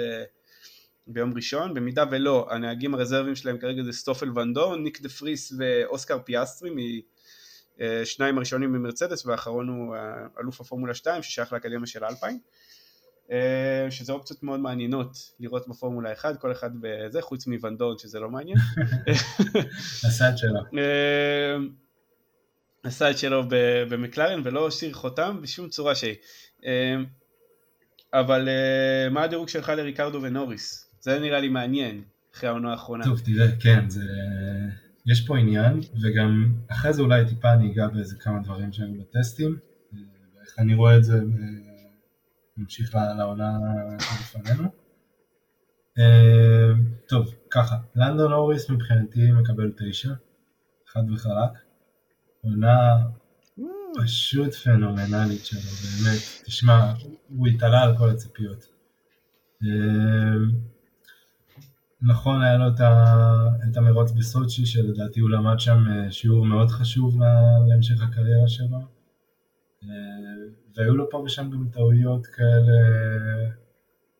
אתה יודע, קטנות לאורך כל העונה, ואני חושב שבאופן כללי מקלרן קצת דשדשו בחצי השני, אבל לפחות מבחינת החצי הראשון של העונה, באמת מושלם מבחינתי, זאת אומרת, לא, לא יכולתי לראות נהג שעושה את זה אחרת אה, בשביל מקלרן. ועל המשקל ההפוך אני נותן לריקרדו 6, אה, כי אם אתה מוציא את מונזה מהמשוואה, אני חושב שהייתה לו עונה סופר חלשה. אה, הוא עוד חסר ביטחון ברכב, השליטה שלו היא לא אבסולוטית ורואים את זה, זאת אומרת אין לו ביטחון בבלימה. ובסך הכל הוא היה הרבה מתחת ליכולת הממוצעת ש... שנהג בסדר גודל שלו יודע ויכול להציג. אה, מאכזב, אבל אני חושב שמהעונה הבאה הוא רק אה, יכול להשתפר, אז אה, זה הניקוד שלי למקלרן. ראיתי, ראיתי נתון שאומר שהנהג היחיד שלא הסתחרר השנה היה דניאל ריקרדו. אוקיי? להסתחרר יותר מדי זה לא טוב. להסתחרר גם אפס פעמים קצת מראה שדניאל ריקרדו לא לחץ עד הסוף. כן. ודווקא דניאל ריקרדו היה ידוע כ... אתה יודע, כבולה מאוחר, כנהג מאוד אמיץ, והשנ... ונראה שבשנים האחרונות משהו בו קצת התערער מאז שעזב את רדבול. עוד שנה, ש... שנה לפני זה ברנו הוא קצת חזר לעצמו, זה היה נראה טיפה יותר טוב. אבל המכונית לא הייתה שם. אני חושב שגם ב... שנה הייתה לו את המכונית לפחות בתחילת העונה. אני חושב שגם ב-2019 ברנו, העונה הראשונה שלו ברנו הייתה, הוא מאוד סבל מחוסר ביטחון. אה, ויכול להיות שזה משהו שבאמת מאפיין אותו, כן, לוקח לו זמן להסתגל. אה, ותראה, עוד, עוד סיבה דרך אגב שאני נותן לריקרדו 6, אה, תראה, אני, אני מכניס פה איזה שהם גם השלכות מה, מהעבר, אבל אני חושב שאיפשהו ריקרדו קצת מתחיל להיראות כמו מין אלונסו כזה, אתה יודע, שעושה את המעברים הלא טובים האלה. אמ, למען האמת, גם עכשיו, עם איך שמקלרן נראית, לא רואה אותו כאילו, אתה יודע, אני מדבר בפרספקטיבה של לקחת אליפות עולם, אני לא חושב שהוא יגיע לשם. אני גם לא חושב ש... אגב, אני ניקדתי יותר גבוה ממך את ריקרדו, אני נתתי לו 7, כי בסקאלה שלי זה די גבוה. ולנוריס נתתי גם 7, כלומר שניהם נתתי 14 בסך הכל, הם, הם אצלנו 29 נקודות, כרגע מן הסתם מקום ראשון מעל כולם. אבל אני, אני אגיד לך מה, אני חושב באמת שדניאל ריקרדו יש לו הרבה מאוד פוטנציאל, לפחות במכונית, הוא נראה הרבה יותר טוב ב- לקראת סוף השנה. אמ, נואלדו נוריס, אני חושב שבסוף העונה משהו שם, אחרי רוסיה קצת נאבד, וזה בסדר, זה ממש בסדר, זה הגיוני שהוא יאבד את הביטחון שלו אחרי מה שקרה. והם קצת נתנו את המקום הזה, את היותר מדי כבוד לפרארי. תקשיב, בסוף לנדו נוריס, אם, אם אני לא טועה, ארבעה פודיומים השנה, זה הישג מטורף, הבן אדם פשוט צבר הרבה יותר נקודות, הוא היה מעולה, אבל בסוף העונה היה חסרה את היציבות הזאת. מאז הפודיום שלו באיטליה, מהמקום השני באיטליה, הוא סיים שביעי ברוסיה, שזה הנפולת, עוד פעם שביעי בטורקיה, שמיני בארצות הברית, עשירי במקסיקו, עשירי בסאו פאולו, תשיעי בקטר, עשירי בסעודיה, שביעי באבו דאבי, אתה מבין? לא ככה, לא, לא ככה מצליחים לקחת אליפות. אה. באותו זמן ברוסיה סיינס סיים שלישי, שמיני, שביעי, שישי, שישי, שביעי, שמיני, שלישי. כלומר, הוא כמעט עקף אותו, הוא עקף אותו פשוט בכל מרוץ חוץ, מרוס, חוץ מטורקיה. תראה, אני, אני חושב שבאופן כללי לפרארי היו קצת יותר יציבים אה, בעונה הזאת ממקלרן. נכון, וזה בסוף... זה מה שהביא להם את ה... וגם לי לעשות דברים. זה מה שהביא להם את המקום השלישי. אה, דרך אגב, ללנדו היו שם איזה כמה נפילות שהן לא בהכרח באשמתו, כן? אם זה פאנצ'רים או החלטות אסטרטגיות שהיו קצת פחות טובות. אה, אני כן חושב שהוא איפשהו מתברג להיות נהג ברמה הכי גבוהה שיש, לפחות מהדור הצעיר הזה שהגיע בשנים האחרונות. אה, כן, מאוד יכול להיות. אני בסוף אני אני מסתכל עליו, אני רואה באמת אופק אה, כאילו של אלוף עולם. זאת הרמה, אבל פשוט הבן אדם אלוף עולם, יש לו את האופי של זה. הוא צריך טיפה לצבור ביטחון, הוא צריך לצבור ניצחונות. אין לו כרגע ניצחון אחד אפילו, לעומת אה, ריקרדו שיש לו שמונה ניצחונות. אה, שמונה ניצחונות של, והשמונה ניצחונות של ריקרדו הם קצת הייתי אומר באיזשהו מקום אה, נראה שימיו הגדולים קצת מאחוריו. אבל uh, לך תדע, אולי הם יהיו הפתעת השנה, ישפרו את מה שצריך uh, לקראת בחריין וייתנו בראש במרוץ הראשון וימשיכו הלאה. אבל זה מאוד תלוי, בסך הכל מקלרן במצב כלכלי לרוב, לפי הנאמר לא כזה טוב. Uh, שם זה יהיה מאוד מעניין לראות, כי הם כן נתנו, היה להם כמה ימים של הקפות מאוד מהירות, ואז בעיות, ואז לא בעיות, והם פספסו קצת ימי, קצת את הבוקר של המבחן שריקרדו חלה, כי היה שצריכים להקפיץ את לנדו. בעייתי. טוב, אז אה, נעבור הלאה לאולי אחת הקבוצות שכולם מדברים עליה השנה, וזאת אה, פרארי. יש להם את שני הנהגים עדיין משנה שעברה, את קרלוס סיינז הספרדי ואת אה, שארל לקלר, לקלר המונגוסקאי, איך אומרים? איזה התקלה. מונגוסקאי, ממונקו. הוא ממונקו. יותר פשוט. מה, כן, הוא פשוט ממונקו והוא בוא נגיד הם שני צמד הנהגים שדי דובר עליהם שנה שעברה כאיזה סוג של, אה, של הכי שלמים לפחות באליפות הזאתי. אה, שארל לקלר הוא הילד, הוא ה wonder boy של פרארי בסוף, צריך לזכור גם את זה. כן, החוזר אה, וכן, אומרים מונגס, מונגסקי. מונגסקי. טוב, למדנו משהו. אוקיי, יפה. למדנו, כל יום לומדים משהו חדש. איך דירגת את סיינס ואת לקלרק? טוב, אז תראה, לפרארי אני בעצם, זה מצחיק, אבל הנהג הראשון שלהם, אה, לקלר, אני נותן לו שמונה, אה, ודווקא לקרלו סיינס, הנהג השני, אני נותן תשע. אה, בסופו של דבר, אם אני מסתכל על זה מבחינת 2021 והעונה שהייתה להם לעומת הציפיות שהיו מהם, אני חושב שסיינס נתן עונה גדולה. להגיע לקבוצה חדשה, ובטח איך ש... כשראית איך כאילו נהגים כמו דניאל ריקרדו וווטל אה, נוהגים במכוניות החדשות שלהם, אה, הוא, הוא פשוט התעלה מעל כולם. תקן אותי אם אני טועה, אבל שלושה פודיומים, נכון? היה לו מונקו, אבו דאבי ו...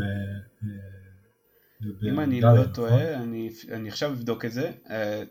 תקשיב, זאת, זאת הייתה באמת עונה של, של סיינס ואני בינתיים מעביר את הזמן בדיבור כשאני בודק כי אני לא מדובר פה ב, בכל זאת במאגר מידע מהלך אבל בגדול סיינס באמת בעונה, בעונה ממש ממש טובה, בעונה גדולה שלו בוא נראה, היה לו במונקו נכון את המקום השני היה לו בהונגריה את המקום השלישי היה לו את, ברוסיה גם מקום שלישי ובאבו דאבי ארבעה פודיומים. שכחת את רוסיה, פשוט כי אף אחד לא זוכר את זה, כן. כן, היה שם, קיבלתי לגמרי. כן, היה שם ממש ממש אה, בעייתי. אני, אני נוטה לא לתת לו את, הפורום, את הפודיום בהונגריה, אבל בסדר, זה, בסוף אלה הסטטיסטיקות, כאילו סתם קירה לי על, על וטל. אה, בסופו של דבר, באמת, אני נתתי לו הצ... לשניהם את הציון שמונה, אוקיי? וזה אומר הרבה בעיקר על אקלר, כמה זו הייתה עונה, לדעתי, קצת יותר מדי חלבית שלו, וזה קצת המשך של העונה הלפני, שהוא פספס באמת אה, אה, פודיום, ושהוא באמת, שהיה לו הזדמנויות, הוא לא לקח אותם, גם הפעם היה לו שני פול פוזיישנים, וזה, אה, אחד הוא מסכן, באמת לא התחיל עם ה... כן, אה, לא התחיל בכלל, והשני זה היה באזרבייג'אן, שהיה, שהוא סיים רביעי, שזה ברביעי והמכובד, וגם שם יש לו קצת מזל.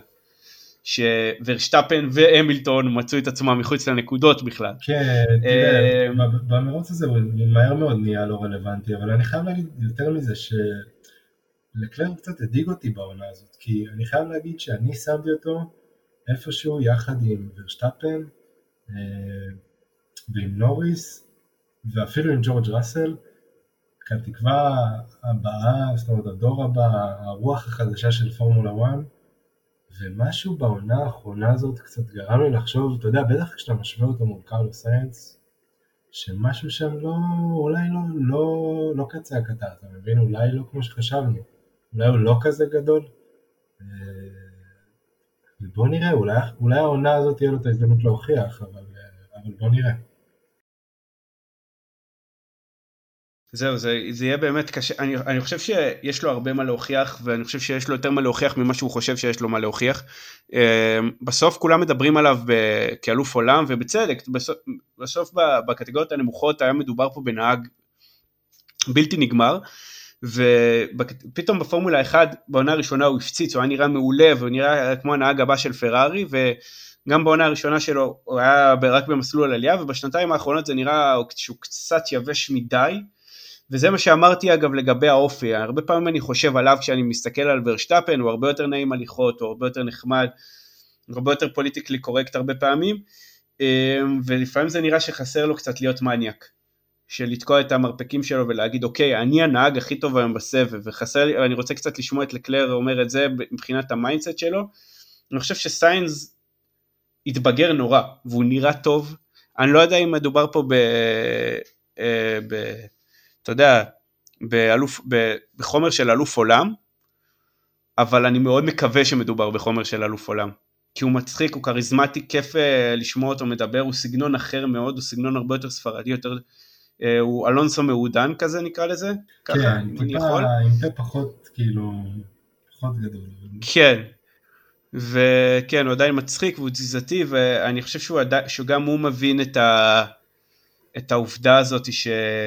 שקצת זה ספורט בריטי קלאסי ואני כן רוצה לראות אותו מתערבב שם. כרגע מקל... אה, פרארי אצלנו עם 33 נקודות, יש להם אגב עיצוב טיפה אחר, זה נראה מפתיע חוץ ממאטיה בינוטו ה...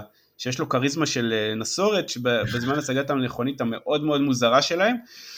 הם, uh, יש להם side pods, אוקיי? הדברים האלה שבצד המכונית שטיפה שונים, נראים כמו יצירת אומנות האמת. תלוי...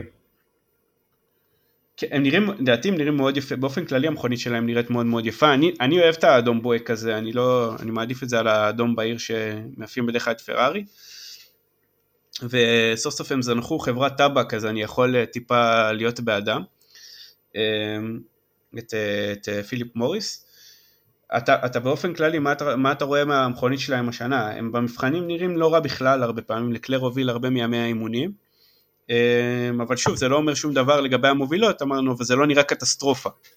אה, כן, כאילו אנחנו, אם, אם בחלק הראשון של הדירוג הזה היה לנו קצת יותר קל להשתמש בטסטים כאיזשהו רפרנס, אז אה, כי אתה יודע, מי שנראה הכי פחות טוב, כנראה סביר להניח שיסיים במקום הכי נמוך, אבל אה, מבחינת מי שנראה הכי טוב, זה משהו שכבר הרבה יותר קשה לנו לקבוע, אבל כן אפשר להגיד שהמכונית של פרארי נראית יציבה, אמינה, לא עשתה להם שום בעיות במהלך הטסטים, למעט פורפוסינג, שדרך אגב לא יצא לנו לדבר על זה פה בפרק הזה בפודקאסט, אבל למי שכן מעודכן, רק נגיד שפורפוסינג זה בעצם מושג כזה שמדבר על התזזיתיות, על הקופצניות של הרכב.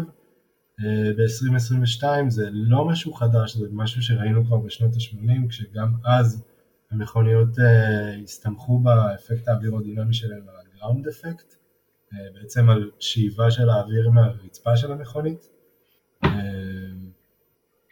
כן, אז בעצם porpoising, בלי להיכנס לזה יותר מדי, uh, זה בעצם איזשהו פימפום כזה, או, או קופצניות של המתלים, uh, כתוצאה מזה שה downforce מאוד uh, מתחזק על המכונית, עד לרמה שהוא ממש חונק את ה diffuser, אה, ואז אין זרימה של אוויר מתחת למכונית, אה, ובעצם המכונית קופצת למעלה בגלל שהיא מאבדת אה, את ה downforce וככה חוזר חלילה. מי שמכיר וראה את זה כבר יודע על מה אני מדבר, בעצם מין קופצניות מאוד חזקה תוך כדי נהיגה בישורת. ראינו גם סרטונים של פיאל גסלי וגם של שאר קלר אז בברצלונה, וזה אתגר שהולך לעבוד, זאת אומרת שהקבוצות הולכות לעבור במהלך השנה הזאת. אה, אז כן, זה היה שתי דקות על פורפוסינג, רק נגיד שפרארי נראו יחסית טוב מהבחינה הזאת בברצלונה.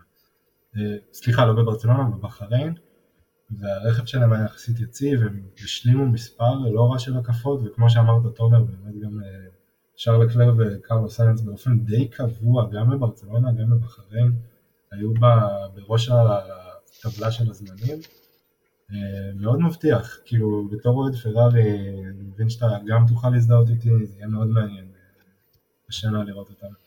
כן, לא, אני, חושב ש, אני חושב שכל מי שהתחיל לראות בתחילת שנות האלפיים פורמולה 1, כמוני כמוך, מאוד אוהב את פרארי ומאוד בעדם, כמו שאני מאמין שמי שהתחיל לראות בעקבות Drive to Survive הרבה פעמים הוא בעד מרצדס, אה, כי בסוף זאת הקבוצה הדומיננטית, אתה יודע, כזה מכבי סל אפקט, מכבי כדורסל. כן, כן, לגמרי. אה, ופרארי בעיקר שברו את ליבנו שנה אחר שנה, בטח שהם אדומים כמו הפועל באר שבע שאני, מה לעשות, זה תמיד עשה לי את זה בטח בתור ילד בן אה, שבע שמתחיל לראות. אה, אבל זה נראה הרבה יותר מבטיח ולכן זה ישבור את הלב שלנו בצורה הרבה יותר משמעותית בדרך כלל. כל עוד סיינס מנצח מרוץ אחד, אני יוצא מבסוט הזאת. זהו, זה, אני, אני באמת מאמין שהשנה הם יכולים באופן כללי אגב, לא רק קרלוס סיינס ספציפית, לחזור לנצח מרוצים, שזה כבר משהו, זה טיפה צעד בכיוון כן, הנכון. כן. לא יודע אם זה יספיק לאליפות עולם, כי, אבל לזה אנחנו נדע רק שיתחילו באמת להתחרות. דרך אגב, אה, בפרארי, אוקיי. פרארי נכנס פה גם האספקט של, אתה יודע, בדרך כלל לא נוטים לבחור את הנהג הראשון שלהם באופן מובהק, אלא אם כן קוראים לך מיכאל שום אחר, אבל זה כבר סיפור אחר. יהיה מעניין לראות מה... כן, אם, אם, הם באמת יתחרו על אליפות העולם, על אליפות הנהגים, זה הולך להיות אגב בעוכריהם ללא ספק הדבר הזה, שאין להם נהג ראשון, ועכשיו גם מדברים על הארכת חוזה גם לקרלו סיינס ושזה כמעט סגור. זה יהיה מאוד מעניין לראות את זה. באופן אישי, אני מאוד, אה, מאוד מעניין אותי איך הולך להיות, אתה יודע, כשאף אחד לא מתחרה על שום דבר, או שאנחנו אה, במשימה משותפת, אתה יודע, לקבל מקום שלישי באליפות הקבוצות, וזה מאוד קל לייצר איזה סוג של אידיליה כמו שהיה שנה בין אה, לקלר לסיינס. זה יהיה מאוד קשה לעשות את זה כשאתה, ששני הנהגים אה, יתחרו אחד בשני, ואנחנו ראינו את זה הרבה פעמים, אה, אתה יודע, ששני נהגים מתחילים כחברים טובים, עיין ערך ניקו רוסברג ולואיס המילטון, ומסיימים שהם מתנגשים אחד בשני. כן, בוא נגיד שהקבוצה אוקיי, הבאה, אבל לא תהיה את הבעיה הזאת בעונה הבאה. הקבוצה הבאה היא רדבול, רדבול ורשטפן ופרז ממשיכים איתנו. ורשטפן, אה, למי שלא לא יודע, אני נראה לי שאני צריך לספר את זה, הוא אלוף העולם. ידעת את זה? אה, איפשהו כן, אני, אני מכיר בעובדה הזאת. הוא אלוף העולם אה, פעם ראשונה, בן 24, הוא הולך בין 25 בעונה הבאה, ירצה לשמור על התואר הזה מאוד אני מאמין. לרדבול יש את אחד מהצוותים הטכניים היותר טובים שיש בפורמולה 1, מהבחינה הזאת לפחות של האירודינמיות, וזה למה יכול להיות שיש להם טיפה יתרון, אה, יתרון מסוים, בטח עם אדריאן ניואי שהוא פשוט גאון של אירודינמיות. אה, והם השנה מתחילים לייצר מנועים, לכאורה, כי הונדה מאוד מעורבת שם עדיין. נכון, הונדה, זה לא באמת, על הנייר זה לא בשיתוף, הונדה תהיה שם מעורבת, אתה יודע, זה מאחורי הקלעים, בגדול מי שמייצר את המנועים הולך להיות רדבול במילטון קינס, במפעל שלהם, הם פתחו ממש Red Bull Powertrains, וזה הולך להיות מאוד מעניין בעניין הזה, כלומר יש פה שני אספקטים בסוף חדשים שרדבול אה, צריכה להתעסק בהם, נגיד פרארי ומרצדס כבר מכירות את העניין הזה, ונוסף להם העניין האירודינמי, רדבול בעצם צריכה בעצם פעם ראשונה, אתה יודע, גם לקבל את המנוע, גם לייצר את המנוע בעצם, וגם את החבילה האירודינמית, שזה אני חושב שמשהו שאנשים לא שמים לב אליו כל כך, יכול לעבוד גם מאוד לטובתם. אה, כן, יש, יש גם את העניין מן הסתם של ההתאמה בין כל הרכיבים שהרגע ציינת, אה, וזה כן, זה אתגר שהולך ליפול עליהם, אבל אה, שוב, זה לא שהונדה השאירה אותם, אתה יודע, עם התוכניות לבניית מנוע וכזה DIY בהצלחה, תסתדרו עם זה. יכול להיות שזה יכול להיות מגניב. יש שם עדיין. מתנת Christmas לשנה הבאה לילדים. כן. כמה, כמה... מנוע של הונדה בהרכבה עצמית. כמה נתת לנהגים שלהם? אה, כן, אז אה, תראה, מקס, אני לא חושב שצריך לדבר על זה יותר מדי, אה, ובתור יועץ שרוף של לואיס, אני חייב להגיד שאני נותן לו עשר. אני מוריד את הכובע בפני הנהג הזה, עזוב נסיבות לא נסיבות, הסטטיסטיקה שלו בעונה הקודמת מדברת בעד עצמה, אמ, וגם כמו שאמרת קודם, משהו בחזות של הנהג הזה, אמ, משהו ש, שלא ראינו בשנים האחרונות, כאילו, בטח שמנהג צעיר, ואני חושב שחוצפה כזאת בקטע טוב, כן? לא ראיתי אצל נהגים צעירים כבר הרבה הרבה הרבה זמן. אה, אני חושב שלואיס היה כזה בעונה הראשונה שלו, אם אני טיפה משווה. ויש משהו בנהגים כאלה, שהם חושבים שהם גדולים מהחיים, ש... שלא יודע, הוא, הוא באמת מושך, זה כיף לראות אותם, וזה אפילו טיפה מזכיר לי את אה, איירטון סנה. שבאמת בעיניי הוא הנהג הכי גדול בהיסטוריה של הספורט הזה אה, ואני מוריד את הכובע, אליפות גדולה, באמת אה, סטטיסטיקה לא משקרת, זה, זה מה שיש לי להגיד, זה לגבי מקס. אה, מבחינת צ'קו, אני נותן לו שבע. תראה, בסופו של דבר בוטה סיים לפניו בדירוג, אבל אני חושב שהדירוג שיקר. כי למרות שבוטס השיג יותר נקודות בעונה הקודמת, אני חושב שפרז היה שם כשהיה צריך, יש לו את זה, הוא יודע להיות שם במאני טיים, אה, ואני נתתי אז לבוטס שש וחצי, לפרז אני נותן שבע, אה, כי אני חושב שבאמת מהבחינה הזאת הוא ידע להיות שם בשביל הקבוצה, והוא ידע לדחוף אותם גם בעונה הבאה, לדעתי. אני אה, לא יכול, אנחנו דיברנו קצת על מקס, אני לא חושב שיש יותר מדי מה להרחיב, אני, אני, אני כן חושב ש... קודם כל הוא נהג אדיר, ובאמת השנה האחרונה הייתה מבחינה סטטיסטית פשוט משוגעת, ואנשים קצת נוטים לשכוח את זה בגלל מאורעות אבו דאבי, פשוט הבן אדם, הפעם היחידה שהוא סיים מרוץ והיה בפוד, לא בפודיום, זה היה בהונגריה, שהיה לו חצי מכונית פחות או יותר אחרי התאונה בהתחלה, שזה גם משהו שאגב לא, לא מוזכר הרבה מאיזושהי סיבה. אה, והוא נתן כמה מרוצים ענקיים פשוט, בטח בהולנד למשל, שהוא פשוט היה דומיננטי בטירוף מההתחלה ועד הסוף, היה מרוץ פשוט ללא טעות של נהג, משהו שמאוד הזכיר את המילטון אגב. פשוט עשה, פשוט נסע מרוץ, וגם באזרבייג'אן אגב, שהתפוצץ לו, מרוץ, שהתפוצץ לו גלגל, וזה היה לא באשמתו, הוא פשוט שלט שם ללא עוררין, והוא הוכיח הרבה מאוד, דווקא הרבה פעמים, אה, שמעתי לצערי הרב את השידור של ערוץ הספורט אה, באבו דאבי, טעות מאוד גדולה אגב, לא ממליץ לאף אחד. מצטער שאני כבר עושה שיימינג אה, לתקשורת על המרוץ הראשון, אבל כל הזמן דיברו על המנטליות של מקס, והנה הוא נשבר, וזה, אני, אני לא חושב שזה, אני חושב שהוא היה לחוץ מן הסתם, כי אתה מתחרה על תואר אליפות העולם ראשון, ואם הוא לא היה לחוץ הייתי קצת דואג למצב המנטלי שלו באופן כללי. אבל אני חושב שהוא הראה הרבה מאוד בגרות בנהיגה שלו, אני חושב שבסך הכל הבן אדם משתפר פלאים, אני חושב גם שבאופן כללי אה, הוא, אה, הוא לא גמגם בסוף, ולכן גם אני נותן לו עשר. היה, היה שם כמה קטעים, בסדר, ברור שהוא לא זה, אבל אני לא חושב שזה מה שהכריע את גורל האליפות, כלומר, זה, זה, אני חושב שהרבה מזה זה פשוט מרצדס אה, עלו, התעלו על עצמם לקראת הסוף, מבחינת המנוע, מבחינת אה, איך שהם בנו את המכונית, והם היו פשוט מכונית הרבה יותר טובה. גם הוא התחרה מול לואיס המילטון, שזה עדיין דבר מכובד להגיע כן, לתיקו, כן, למרוץ האחרון עם המילטון כשהוא במרצדס באבו דאבי. ברור, ברור. תראה, זה משהו שאי אפשר לקחת ממנו, אני חושב שהמילטון באמת הוא מתחרה ענק. עוד מעט, עוד מעט תדבר על... לזכות מול המילטון זה... ופרז אגב, שפרז התחיל את העונה פחות טוב, היה לו לפחות באמצע גמגום מאוד מאוד זה, אבל שהיה צריך באמת לתת את ההגנה שצריך ולהיות פשוט הווינגמן, הוא עשה את זה הרבה יותר מבוטס, הוא הגן הרבה יותר טוב מבוטס, ההגנה שלו באבו דאבי היא פשוט מטורפת, אבל היה לו עוד כמה, אני לא זוכר בדיוק איפה, תהרוג אותי, אבל היה לו גם שם שהוא התחרה בלואיס כמה פעמים, וזה לא היה dangerous driving, זה היה magnificent driving, גם אני נותן לו שבע, זה הפעם הראשונה... טורקיה... כן, זה פעם ראשונה שאני, כן. אני ואתה נותנים את אותו ציון, בסך הכל 34 נקודות לרדבול, אה, כלומר 10, 10, 7 ו-7.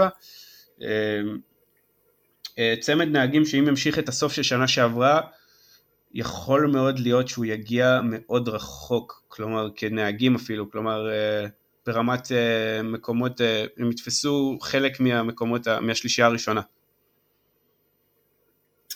אה, כן, חסר לי את פרז קצת יותר על פודיומים, אבל חוץ מזה אני חושב שגם יכולים לדחוף. לגמרי, פרז, פרז אחת הסיבות שנתתי לו רק שבע למשל, זה העובדה שיש לו מקצה דירוג מאוד לא טובים, הוא חייב להשתפר באספקט הזה.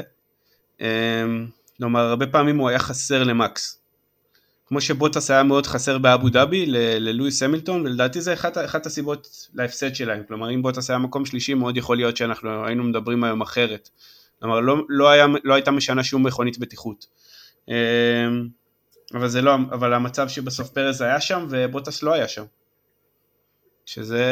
אה, כן, זה לגמרי, אני חושב שהשנה באמת נחשפנו לעניין הזה של האסטרטגיה והנהג השני, כמה הוא חשוב, בטח שהקרב הוא כזה צמוד, כן, זה לגמרי חלק מהעניין. מבחינת, אה, בגדול, מבחינת אה, איך שהם נראו באימונים, אנחנו דווקא ראינו באימונים הראשונים בברצלונה, הם פשוט שלטו מבחינת מספר הקפות, הם נתנו שם בראש, באימון, והם גם מבחינת זמנים הם היו טובים בחריין, שוב, לא אומר שום דבר, יש טיפה שינויים גם שנכנסו ביומיים האחרונים, אה, אז אה, בגלל שזה רק ביומיים האחרונים אנחנו לא יודעים איזה עוד טוויסטים הם יעשו, אם זה יהיה לטובה או לרעה, יש להם את אדריאן נוי כמנהל הטכני ואת קריסטיאן אורנר כמנהל קבוצה, אה, אני לא חושב שאפשר אה, לקבל צוות יותר טוב עם אה, תקנות חדשות, אחד ששם לב לכל מישהו שקצת עובר על התקנות והשנייה שבאמת יודע ליישם אותם בצורה הכי טובה.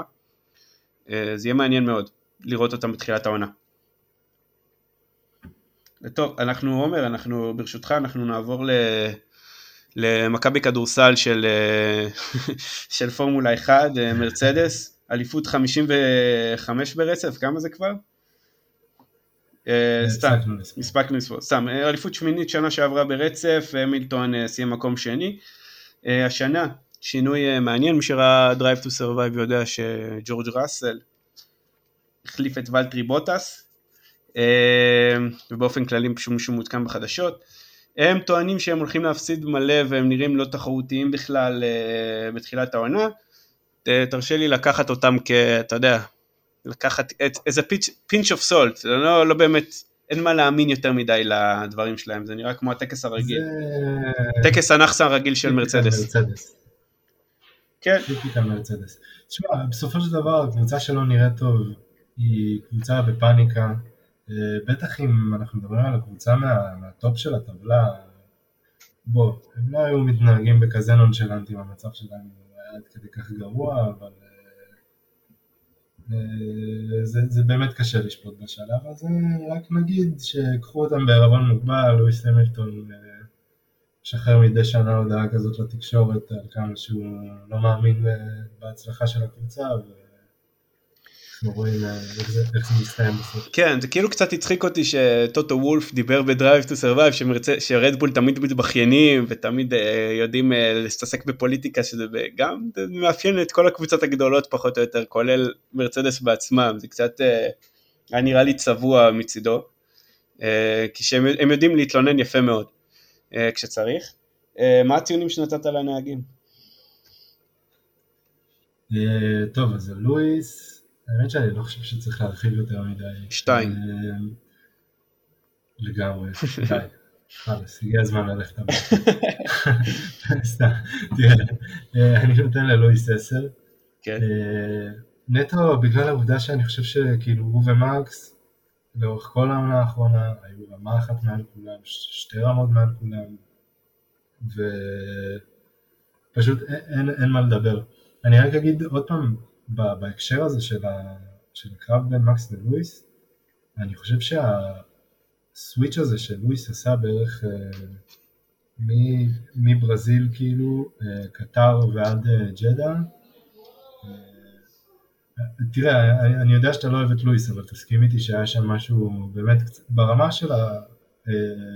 איך שאתה מסתכל על ספורטאי, היה שם משהו שהיה מאוד יפה לראות אותו, זאת אומרת. אני, אני מסכים, 아, אה, תקשיב, אני לא אוהב את לואיס בגלל uh, החוסר עניין שהדומיננטיות של מרצדס יצרה לספורט, כלומר לא עכשיו, אני, אני הרבה פעמים, אני מגיב הרבה פעמים לאנשים נגיד שאומרים שמקס הוא ככה או אחרת, ואומרים לי שלואיס מצד שני, תראה איך הוא מתנהג, ואני מגיב להם על זה שלואיס הרבה פעמים הוא די צבוע, כלומר uh, מטיף לטבעונות ואקולוגיה כשהוא בעצמו טס במטוס פרטי, שמזהים יותר ממה שכולנו, אם נאכל אה, עשרה סטייקים בשבוע ביחד. אז uh, כל מיני דברים כאלה שקצת, uh, זה, זה יותר ברמה של לענות לאנשים לגבי נהגים אחרים. אני חושב שלואיס הוא פנומן. אני חושב שהוא אחד הנהגים הכי טובים אי פעם. האם הוא היה מגיע לשבע, לשבע אליפויות בלי, בלי הדומיננטיות המטורפת הזאת? אנחנו לא יודעים, אבל מצד שני גם אנחנו חושבים, אנחנו רואים שפרארי היו סופר דומיננטיים וזה לא מוריד שום דבר משום אחר. אנחנו... אה, בסוף לואיס המילטון אה, כן טוב לו שגם טוב לו בטווח הרחוק שיש תחרות, בטח אם הוא נשאר. זה נראה טוב יותר לענף, זה מצטלם יותר טוב. ומה שהכי חשוב בעניין הזה,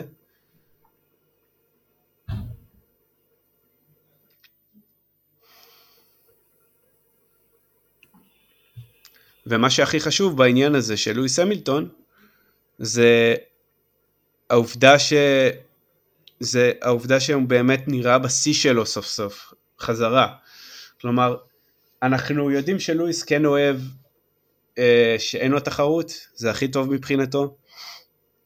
הוא לא אוהב שמתחרים בו יותר מדי, את רוב האליפויות שלו הוא לקח בלי, בלי יותר מדי, אתה יודע, אנשים שמאיימים בו מאחורה.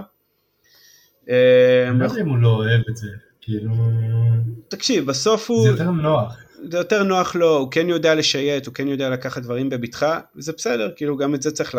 גם את זה צריך לדעת לעשות, ולא להתרסק אה, כל אה, מרוץ שני, ב... אתה יודע, במחסום. אני נתתי לו גם 10.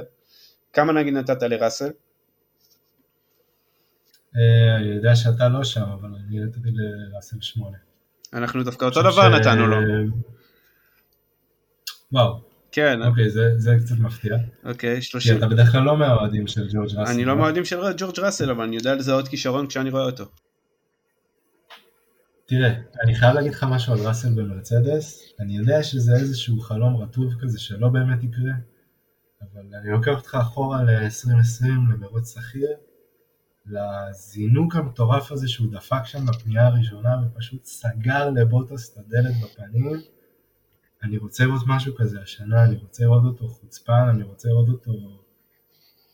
אני רוצה לראות אותו מבין שאתה יודע, הוא יכול גם לא לקחת את האליפות הזאת אף פעם אם הוא לא ייקח את זה עכשיו, אתה מבין מה אני אומר?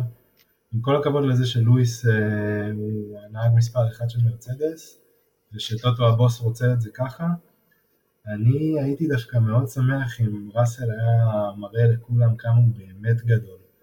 ולא מתייבש שם עד שלואיס יפרוש, אבל זה, זה חלום שלדעתי לא יקרה. אני גם חושב, אני חושב שהוא שחקן קבוצתי מדי, טוטו אילף אותו בשלוש שנים האלה בוויליאמס.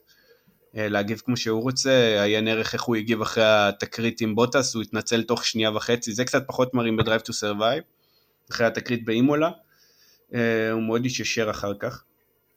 העניין עם ראסל שהוא פשוט באמת לדעתי נהג עם הרבה פוטנציאל, ומצד שני אילוף שלו יותר מדי יכול לגרום להפך ממה שמרצדס רוצה. מרצדס הם גוף מאוד שמרני לעומת רדבול למשל, וצריך לזכור את זה. הם מאוד מאמינים, נראה שהם מאוד מאמינים בהיררכיה, בטח מה שהיה אחרי מה שקרה בין רוסברג להמילטון, ובסוף האסטרטגיות שלהם הרבה פעמים מתבססות על זה שיש להם את המכונית הכי טובה. כלומר, כשאתה לוקח את המכונית הכי טובה, הרבה פעמים אתה לא צריך לקחת סיכונים שהם מיותרים.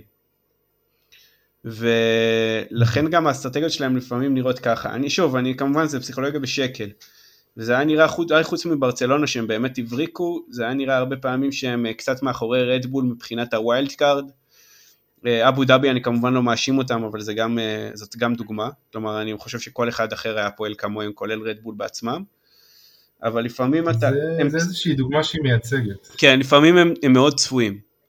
Uh, לגבי המכונית, שוב, אנחנו לא יודעים באמת מה קורה, הם נראים טיפה פחות טובים במבחנים, כן עשו את העובדה הזו שכאילו אין להם סייד פרוץ או קונסי אוויר, הם הקטינו אותם נורא. Uh, קודם כל מעניין אם זה יאושר רגולטורית, וזה מעניין אם, uh, אם זה בכלל יעבוד. כלומר, זה שקורה משהו לא אומר שמשהו יעבוד. זה, זה, גם, זה גם משהו שצריך לזכור לפעמים. לפעמים דבר... דרך אגב, אנחנו נכנסים פה לעניין של הרגולציה טיפה, אבל אם אנחנו כן נוגעים בעניין הזה, אז רדבול אה, ומרצדס הלכו על איזושהי גישה שהיא דווקא הפוכה מהגישה של פרארי, וזה דווקא יהיה מאוד מעניין לראות את זה בסופו. כן, זה... אה, זה בסוף, אתה יודע, זה מה שאנחנו, נראה לי הכי נהנה לראות, נראה לי, את הקרבות ביניהם, אה, אתה יודע, בין בין כל מיני תפיסות עולם, זה, זה תמיד מה שכיף בשינויים רגולטוריים גדולים, שכלומר אף אחד לא באמת יודע מה יעבוד ומה לא יעבוד. הרי בסוף, ש, בסוף עם השנים, כשמשהו באמת עובד, פשוט האנשים אחרים יעתיקו אותו. אז uh, מעניין לראות כן, מה יהיה. זה, זה בדרך כלל גם מצטמצם לאורך השנים, אתה יודע, הפערים הכי גדולים הם דווקא בשנים של השינוי רגולציה, אה, אבל זה, זה ילך ויצטמצם. אה, רק עוד דבר אחד לגבי העניין של הערעור של מרצדס, סליחה, של פרארי ורדבול על הייצוג של מרצדס. עוד נראה מה יהיה, אבל אם אני לא טועה, הטענה העיקרית והבעייתית היא דווקא הטענה נגד המראות של מרצדס, שהם עשו שימוש במראות כאביזר אווירודינמי, שזה כמובן נגד התקנות. ואם אני לא טועה קריסטיאן אורנר הוא זה שהגיש את הערעור, אבל... דווקא אורנר מכחיש פחות או יותר. אבל אה, כן, אורנר די, אורנר די מכחיש, אבל אה, בסדר, אתה יודע, בוא נראה בהמשך, אנחנו עדיין לא יודעים, נראה את זה במרוץ הראשון. כן. טוב, אז בואו בוא רגע נסכם. Uh, במקום הראשון שלנו, של הדירוג שלנו, יצאו מרצדס עם 36 נקודות, רדבול משאר אחריהם עם 34 נקודות, במקום השלישי פרארי עם 33 נקודות, מקלרן עם 29, כלומר יש פה איזה פער די גדול בין השלוש מובילות כבר למקום רביעי, שדי נמצא גם לבד, כי אלפיין עם 26 נקודות יחד עם אסטון מרטין. ישר אחריהם uh, במקום השישי, כי הרביעי, uh, במקום השביעי, סליחה, כן, שביעי יצא לי? תקשיב, בסוף זה התפלגן לי בגלל זה, חמישי שישי זה אלפיין ואסטון מרטין, אלפה טאורי במקום השביעי, אה, עם 25 וחצי נקודות, האס עם 23 אה, וחצי נקודות במקום השמיני, אלפה רומאו עם 23 במקום התשיעי, ובמקום האחרון וויליאמס עם 21 וחצי. אה, אל תשמרו את זה, זה כנראה לא מה שיקרה, אבל זה סתם מעניין אותנו לעשות איזה power ranking כזה. עומר, איזה מחשבות אחרונות ככה? נבוא ונחזור לזה. כן, היום נבוא ולא, ולא נדבר על זה יותר אף פעם, בטח כשוויליאמס ייקחו את האליפות השנה. כן, כן, אחרי קרב צמוד עם האס. איזה מחשבות אה, אחרונות ככה לקראת העונה הבאה שבאה אלינו בחריין, אה, מרוץ ראשון בבחריין, אה, אני אגיד לכם אפילו את השעה המדויקת שעון ישראל למי שמעוניין, השידור יהיה בשידור, השידור הלא טוב יהיה בספורט 5 פלוס לייב, יחד עם בטח עם אה, אלי ילדיס שימלמל דברים ובועז קורפל, בשעה 5 יש את הזינוק, אה, וביום שבת יש את מקצה הדירוג בשעה גם 5, בין 5 ל-6, אז מי שמעוניין, אה, מרוץ ראשון בבחריין, קצת מחשבות עומר. הולך להיות מעניין. אני חושב שפרארי אה, הולכים להפתיע אותנו. זאת אומרת, אני כבר לא יודע עד כמה זה תהיה הפתעה, אבל אה, לדעתי פרארי הולכים להיות אה, בראש. הבנתי. אני חושב שאני לא סומך על כלום על פרארי, אמה יעמיק. יותר מדי אכזבות עם השנים. אני חושב שבסוף אנחנו נראה כרגיל דומיננטיות מרצדסית רדבולית כמו שראינו מ-2010. אמ, אבל בואו נחכה ונראה, אני מאוד מקווה שפרארי הם אלה שיקחו, אני מאוד מצפה גם להפתעות טיפה במיטפילד, אמ, אבל אה, וואי, אנחנו פרק מאוד ארוך, כבר שעה, שעה ומש... מתקרבים כבר לשעתיים, אז מי ששרד עד כה, תודה רבה שהאזנתם לנו, אנחנו האייפקס, פור... אה, פודקאסט חדש של פורמולה 1 בעברית, במיוחד לארץ הקודש. עומר ארז, תודה רבה לך. תודה רבה, תומר נוח. אנחנו נהיה בפרק הבא, אה, ישר אחרי המרוץ בבחריין, ננסה לעשות את זה כמה שיותר מהר, אנחנו בגדול נעלה אחרי כל מרוץ אה, בשביל לתת את ה insight שלנו, כמובן אני מאמין שהפרקים אחרי מרוצים יהיו טיפה יותר קצרים, כי בכל זאת יש פה כבר שעתיים שאנחנו שורפים, אז שיהיה לכם שבוע טוב ואנחנו נתראה אחרי ברכה ריין.